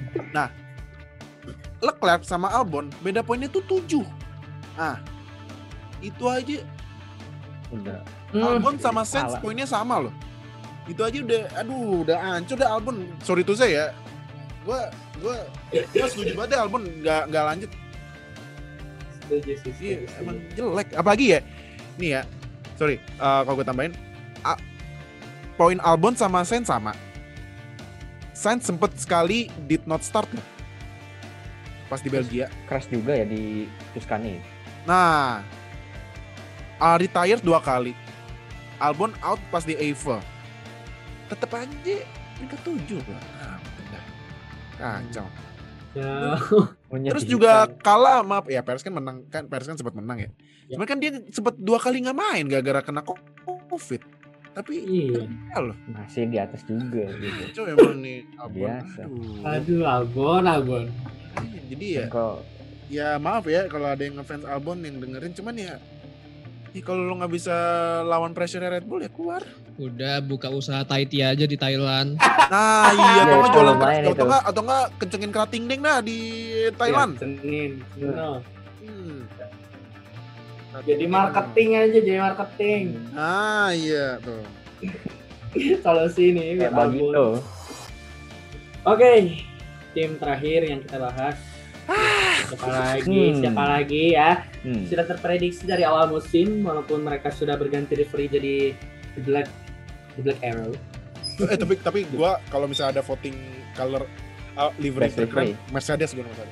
Hmm. Itu kombinasi merah sama hitam tuh Gak pernah salah. gak pernah salah deh. Can never go wrong deh merah hitam. Kalau di apa? Kalau di dunia permodifikasian otomotif tuh kayak pilot E37 tuh. iya benar. E37 mau dipasang di Ferrari pun masih bagus. Iya. Cocok. Oke, Mercedes. Total poinnya 573 dan Sir Lewis Hamilton total poinnya 347 pole position 10 Q3 nya 16 podium 14 menang 11 DNF 0 yang race sekali race sekali Bottas total poin 223 pole position 5 tampil Q3 semuanya 17 kali. Podium 11 menang dua kali. DNF nya sekali. Duelnya jelas ya menang Hamilton 11 banding 5 kalau balapannya 12 banding 4 Mercedes. Mercedes Mercedes maksudnya ini udah tim yang paling sempurna dah buat hybrid era ini dari tahun 2014 sampai tahun 2020 tak ada yang ada yang bisa ngedebat ya gitu ya mau pembalapnya Lewis Hamilton mau pembalapnya ya walaupun Valtteri Bottas jatuhnya kayak uh, Rubens Barrichello ya. Pengkhianat. jatuhnya kayak Rubens Panjang. Barrichello ya tapi belum ada yang bisa ngalahin Lewis Hamilton selain Nico Rosberg Iya. rahasianya itu aja di Nico Rosberg kalau ada yang pengen berguru ke Nico Rosberg sih kalah sih Hamilton kita Iya. Iya. Makanya um, kalau menurut gue ya, Bottas ini album versi Mercedes. Nah, setuju. Setuju, Iya. setuju. Kalau itu saya lagi. Karena apalagi yang pas di Turki yang dia muter 6 kali loh. asli asli Gina Timus, Asli. Botas. Ini mau balapan apa uh, apa sih gitu. apa mau nari balet. Iya. Tapi ya ya ya dia sekali dua kali eh dia dia, dia menangnya sekali kan? Dua kali Menang kalau dua. ya. Nah, menang dua kali cuman ya ya memang sebenarnya sih menurut gua Al, Botas masuk Mercedes buat ini sih jadi wingman sih. Wih, man. You have one job bukan, doang kok. bukan pembalap kedua yang nambah pressure kayak di Red Bull. You have one Iya. job doang kok. Iya. jadi ya um, ya next season Gak ada ekspektasi apa-apa. ya ekspektasi gue ya lagi-lagi ya dia lah ya Mercedes di atas lagi lah. tapi gue penasaran Bottasnya nih kalau nih menurut gue nih musim depan Bottas bakal ada persaingan eh, kayaknya Red Bull bakal serang Bottas dulu deh Iya sih. terus abis serang Bottas kalau udah bah serang eh, Hamilton Serang Botas. Iya. Tapi ini Botas ini benar bahaya banget, bakal kekejar banget sama Max Iya. sama dan Perez. kalau eh, menurut gue kalau misalnya Bottas masih jelek lagi saatnya naikin George Russell Ya. Saatnya naikin George naikin Russell. George Russell Oh, it's time, it's time, it's just Russell time. Maksudnya ini bukan, tapi ini bukan hasil terburuk Botas sih. Hasil terburuk Botas itu ada di tahun 2017 waktu dia pertama masuk. Itu 2018. Pokoknya dari dua tahun itu dah hasilnya itu lebih buruk daripada yang sekarang gitu. Eh, tahun 2019 sampai tahun 2020 itu masih bisa keep up sama Hamiltonnya lumayan, lumayan. Bukan bukan bagus ya, lumayan aja gitu. So-so. Even sama George Russell aja masih kalah orang ini satu. Ya gimana ya? Ya bisa sih. Ini padahal udah nggak ada Vettel loh. Harusnya dia Iya. enak Hmm. sama Hamilton tinggal yang maju aja. Atau mungkin ya emang didesainnya sama Mercedes untuk keep behind Lewis. Ya kalau ada istilahnya itu Valtteri, you had one job. Udah gitu doang sih. Valtteri it's Valtteri- James Ibaratnya ya Valtteri lanjut tiba-tiba Valtteri It's James mau gimana? Ya udah, ya udah angkat angkat pedal, angkat pedal ya. angkat pedal. Nuha gimana Nuha Oh, gua Mercedes. Ya, sebenarnya mau diomongin apa lagi sih? udah paling Ya. sempurna ya kan seven seven world seven world champion dengan Lewis Hamilton yang breaking almost of the record. Jadi ya tambah lagi dengan ini ya inovasi mereka dengan bikin das ya dual axis steering mereka itu ya wah bisa dibilang one of the best innovation this year nah untung tapi sayangnya jadi band padahal itu kalau Oh, misalnya gas ya. Ya. Pak, kalau misalnya memang itu dilegalkan dan dibuatin sama FIA, wah itu sampai ke depan-depan Mercedes makin tak terbendung. Bukannya, ya mereka memang mentality apa winning mentality-nya memang sudah seperti itu, yang sudah belum ada yang bisa mengalahkan winning mentality Mercedes. Di saat tim lain itu udah fokus buat ngerjain musim ini, Mercedes udah buat udah buat persiapan buat musim depan. Mercedes sudah musim depan mereka udah jauh lagi mereka tuh mereka tuh kalau di F1 tuh udah kayak perang benar-benar strategi perang maksudnya ya mereka strateginya begini walaupun bisa ada beberapa momen yang bisa dibilang itu ya jerk lah kayak di Imola itu aduh kesel banget sih gue kayak di Imola yang Ah, itu kalau- yang kalau- mas- kalau- Hamilton masuk Kalau VSC di muncul terus dia Hamilton keluar VSC-nya tiba-tiba mati itu wah, wah kalau Hmm, belum dengerin pedas. episode di WNF1 tuh itu episode episode ter ini kali ya. Kalau misal Oh. paling- kalau lu seneng nontonin orang berantem, nyinyir, nah itu lu dengerin Imola deh. oh yang itu Nah, udah tuh. ya Dari awal aja udah teriak-teriak iya. kan? iya Karena emangnya aneh Gas, aja lu. Sorry gua out dikit. Di Imola Hamilton masuk pit tiba-tiba VSC hidup. Hamilton keluar VSC mati. mati Lah, gimana cerita? cuma berapa detik doang Kayak aduh. Nah, tapi denger aja pas Imola tuh lu pasti antara ngakak sama atau ikutan emosi. iya Hmm.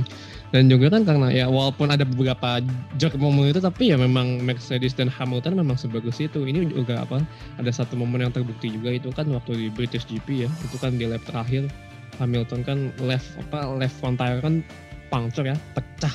Dan itu.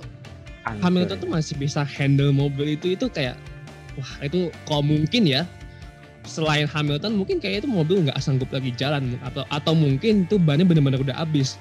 Some way itu Hamilton bisa handle itu gimana caranya mobil itu dengan ban yang udah putus itu udah pecah itu masih bisa bertahan dan akhirnya akan itu kan momennya itu kan. Verstappen tuh udah kita berapa itu padahal detiknya itu jauh 12 detik kalau nggak salah.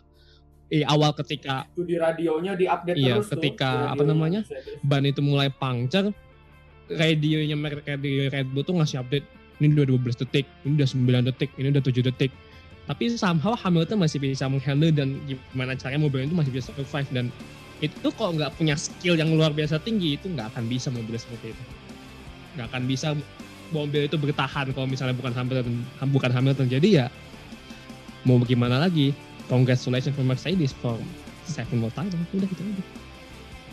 Iya, pembalapnya jago mobilnya OP ya udah mau mau diapain lagi mau ada bubur juga itu botas yang lem, mohon maaf yang agak lembek kayak bubur itu tapi dia tetap lah bisa gitu Tapi tetap sih Hmm. yang paling gua salut dari Mercedes itu adalah winning winning mentality-nya Toto sih. Itu Toto itu gila sih. Dia cuma fokus menang doang bikin mobil tanpa lihat kanan kiri tanpa mikirin. Cobalah kalau diwawancara bagaimana pendapat ini pendapat itu. Dia kagak peduli aja. Dia benar-benar cuma peduli sama mobilnya doang. Gua salut itu sama Toto dan dia bakal terus ya stay dengan Mercedes mungkin Yes. targetnya berapa tahun kemudian gitu ya Kan- Kan Toto kan baru perpanjang kontrak kan? Iya, dua tahun. panjang Tiga tahun. kontrak tiga tiga tiga tahun Tiga tahun Itu- plus uh, kepemilikan sahamnya di Mercedes 30 30%. Ah, udah Ya rest in Lumayan peace Ferrari, sabar ya Ferrari. Ayo, itu emang targetnya emang 10 10 World Champion sih emang targetnya Iya. 10 kali udah tuh. Tapi itu Targetnya Keren banget. bisa sih. udah jelas F1. mau ke depan mau seperti apa gitu loh. Ya Ferrari ya good luck aja. Ya udah, Oh, sabar. bye bye Ferrari, bye bye. Yes, OP banget itu dari mulai tim principal terus dari James Allison. Aduh, James Allison. Oh iya. Kalau itu. James pindah Ferrari gimana? Ah, Kalau mak nggak mungkin, nggak mungkin, udah nggak mungkin, ngayal, enggak, enggak mungkin. Ngayal. nggak mungkin. Halo. Kecuali, kecuali, sendiri aja udah bilang gitu. kecuali Ross, kecuali Ross Brown balik ke Ferrari masih mungkin lah. Nah, itu contohnya. Mercedes emang ada orang Jermannya, kagak ada cuy. tim Jerman Betul, nggak ada. Jerman Jermannya itu. Ya, Udahlah ya kesampingkan itu makanya ke, itu itu kontras dengan Italia yang eh, Nah, kuda ini iya. isinya orang Italia semua. Lu lihat Nah. hasilnya. Ya, iya. Makanya gue setuju, gue setuju. Gue jujur aja, gue ngefans sama Toto. Gue ngefans sama Toto, sama Just yang ngefans. Gue salut sama winning spiritnya sih. Kayak, kayak gini kan. Ferrarinya juga mau dibawa ke mana kalau tifosinya udah kayak gini. Kalau nggak gitu kan nggak bakal tobat. Gue bilang tobat lah itu Ferrari ya Allah. Itu itu mulai dari CEO mungkin ya, CEO-nya Ferrari itu jangan lah. orang Italia lah. ya mau gimana Iya. lagi kalau nggak dari sononya, dari front office-nya. iya sih. Orang luar itu bisa aja lebih bagus gitu kan kalau contohnya kayak Mercedes gitu. Masalahnya Tadi kan, balik lagi nyinggung soal masalahnya si Toto pun juga CEO Mercedes. Gitu. Berarti kan Ferrari tahu, juga Pak. harus restrukturasi dari CEO kalau mau menang lo ya ya udah. Kalau nggak mau menang ya udah. Jadi tim tertua aja. Nah, udah nggak apa-apa. Ngandelin heritage-nya doang. Oke ya udah nggak apa-apa Oke, ada Ferrari di F1. Oke, udah. nah, Itu udah. sama ada kayak bahan game terus. ya nggak apa-apa ya emang berarti emang mereka pengennya jadi pengennya gitu pengen jadi tim terbuli untuk dekade selanjutnya mungkin dekade sekarang dekade Jangan nangis ke, jangan nangis dong. Curhat gitu tuh, ha. ya nggak apa-apa lah kan Gimana ya? Kalau ngelihat ini cerita-cerita F1 yang paling gila itu tadi sih. Lagi-lagi mohon maaf lagi ya bahasa Hamilton lagi ya. Kalau itu kalau ban itu kan satu hilang tuh. Maksudnya satu udah nggak bisa jalan gitu. Itu kalau driver lain itu kalau dapat kondisi kayak gitu tuh itu mungkin udah kayak sambat duluan di radio gitu loh. Udah emosi duluan kayak Oh, fuck, Kayak- fuck gitu. nah gitu Dar, dar kayak ini kayak lah? kayak Leclerc yang di Turki. Ah, I did stupid job. Ah, you did good. I did stupid job. sensor bro Ada di shit job, ada di shit job. I did That's shit it. job. Iya. That's it. iya Ya, ya Leclerc Ya. itu skillnya bagus cuman kadang dia gitu ya ya masih Ya, bocah nggak apa-apa lah kalau misalnya disuruh pilih driver of the season buat semua pembalap ya, ya gue pilihnya dengan berat hati sih. Ya. Tapi nggak sih, gue gue kan nggak benci Hamilton gara-gara ini. Gara-gara dia bikin tim di Elektrik, Car ada pembagian gue aja. Gue bilang Hamilton. Iya.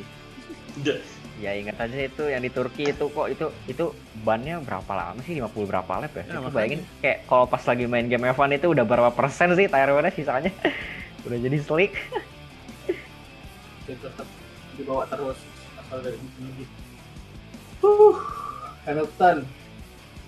Maksudnya terlepas dari semua semua hate yang terarah kepada Hamilton ya emang he deserve it.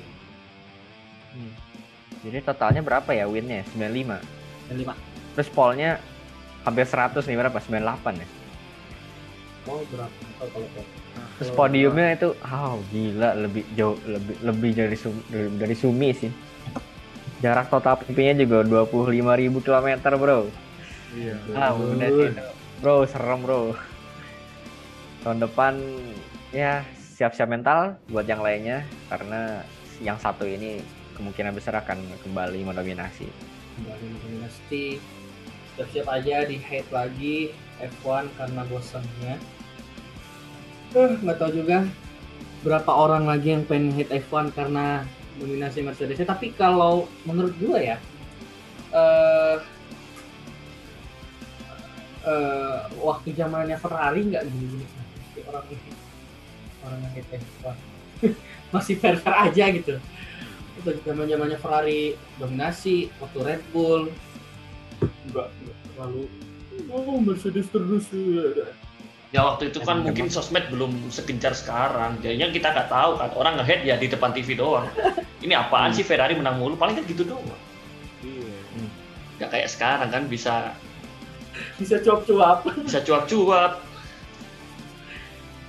Eh, apalagi fans Ferrari sekarang eh Enggak kok, enggak kok, oh enggak enggak kok. Loh jujur, gua fans Ferrari tapi mengagumi Mercedes. Sama sih betul. Gue tifosi tapi nanggung gitu loh. Kalau tifosi itu kan kadang dia suka maksa pendapatnya gitu. Kalau gue ya ngakuin aja gitu. Ini ada Hamilton loh. Terus ada yang lainnya juga gitu loh. Mereka bisa tunjuk skill gitu. Nah ini Ferrari. Ferrari apaan? Lah, gua juga awalnya gitu, tifosi tapi tutup mata gitu. Setelah gua disadarkan oleh Fadil, gua jadi pengagum Mercedes. Gue gue selalu bilang ke, ke, ke buka mata lu. Ke oi buka mata lu Itu kayak dari sebelum musim dimulai gitu, Fadil udah bilang gitu. Iya, kan? jangan jangan next year will be uh, tifosi year terus Pak, lama-lama ma- lama-lama malu, Pak. asli makanya gue udah bilang buka mata lu woi gitu. asli bukan fans Ferrari ngedenger will be next year Ferrari itu nggak nggak make sense aja Nggak realistis ya Iya. Ya, intinya kalau ya intinya gue jadi kesimpulan kalau lu masih bangga banggain Ferrari ini nggak nggak punya harga diri lu. bangga apa sih dengan heritage-nya itu aja dong Ya, makanya gue setuju. Ya bener juga sih. Bego banget. ya. Aduh. Deal, deal. ini Indian ya ini adalah sport yang kita semua cintai.